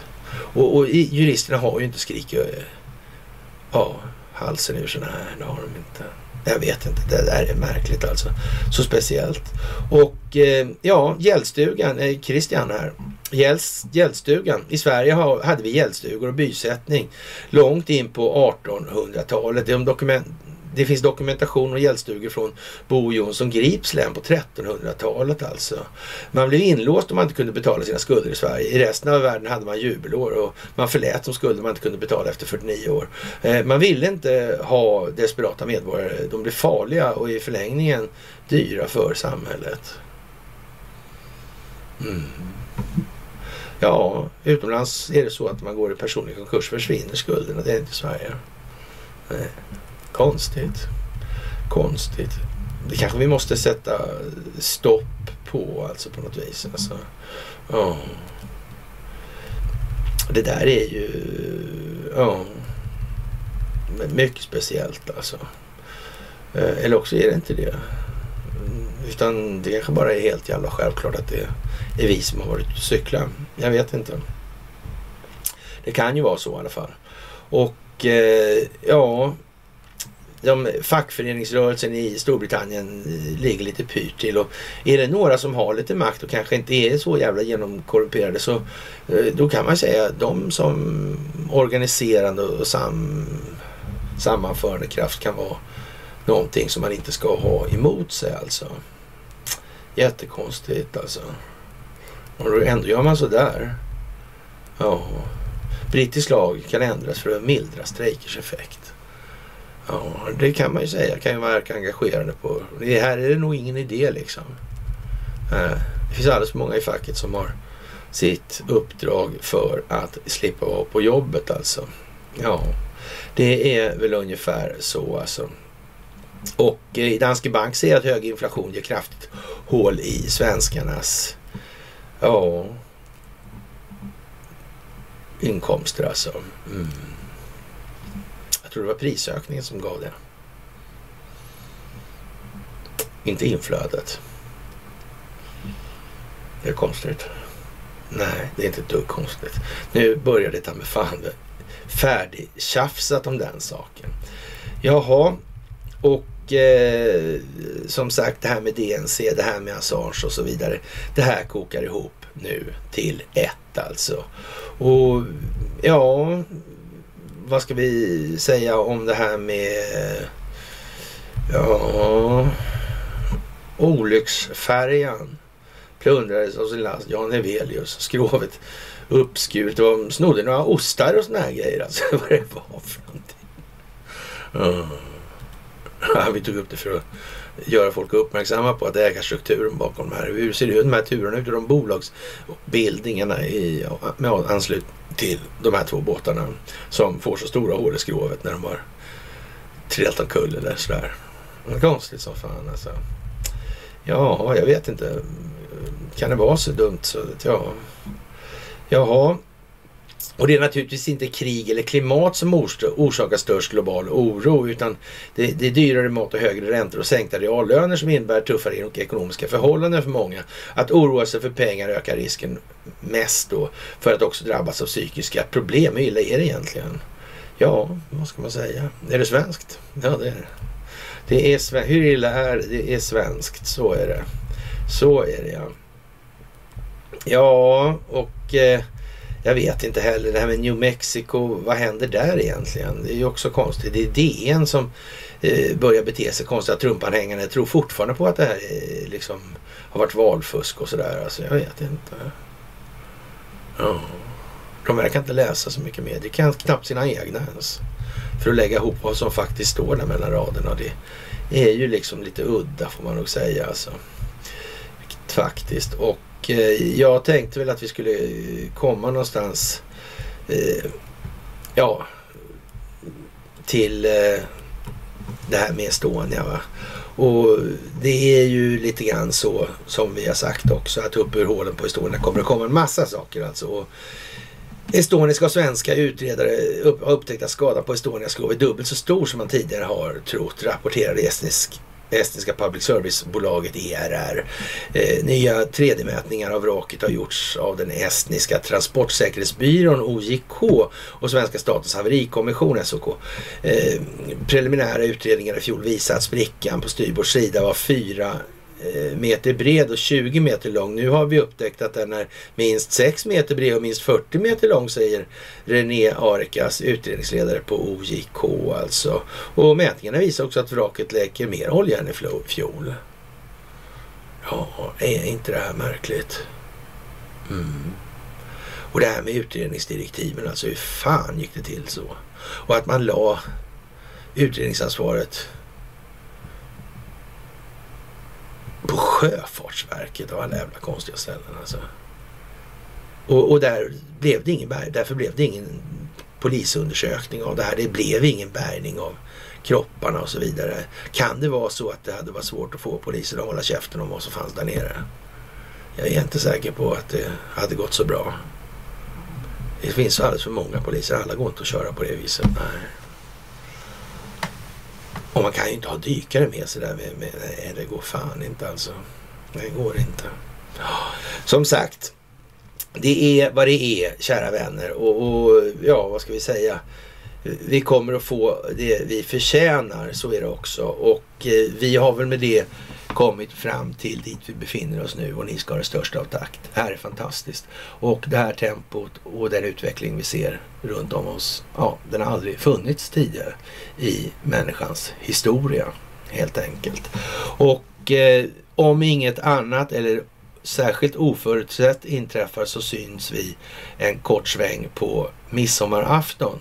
Eh, jag tror inte det blir något två timmars mys. Jag hoppas inte det behöver bli det. Men i alla fall, vi får se vad det blir. Och eh, någonting blir det i alla fall. Och eh, jag tror väl inte jag ska ha blommor i håret kanske, men jag kanske kan raka mig lite ibland i alla fall. Eh, inte just så mycket, men ändå. Ja, eh, ja, en trevlig piglördag till er alla och njut av den tillvaro som nu sker runt omkring oss. Hej!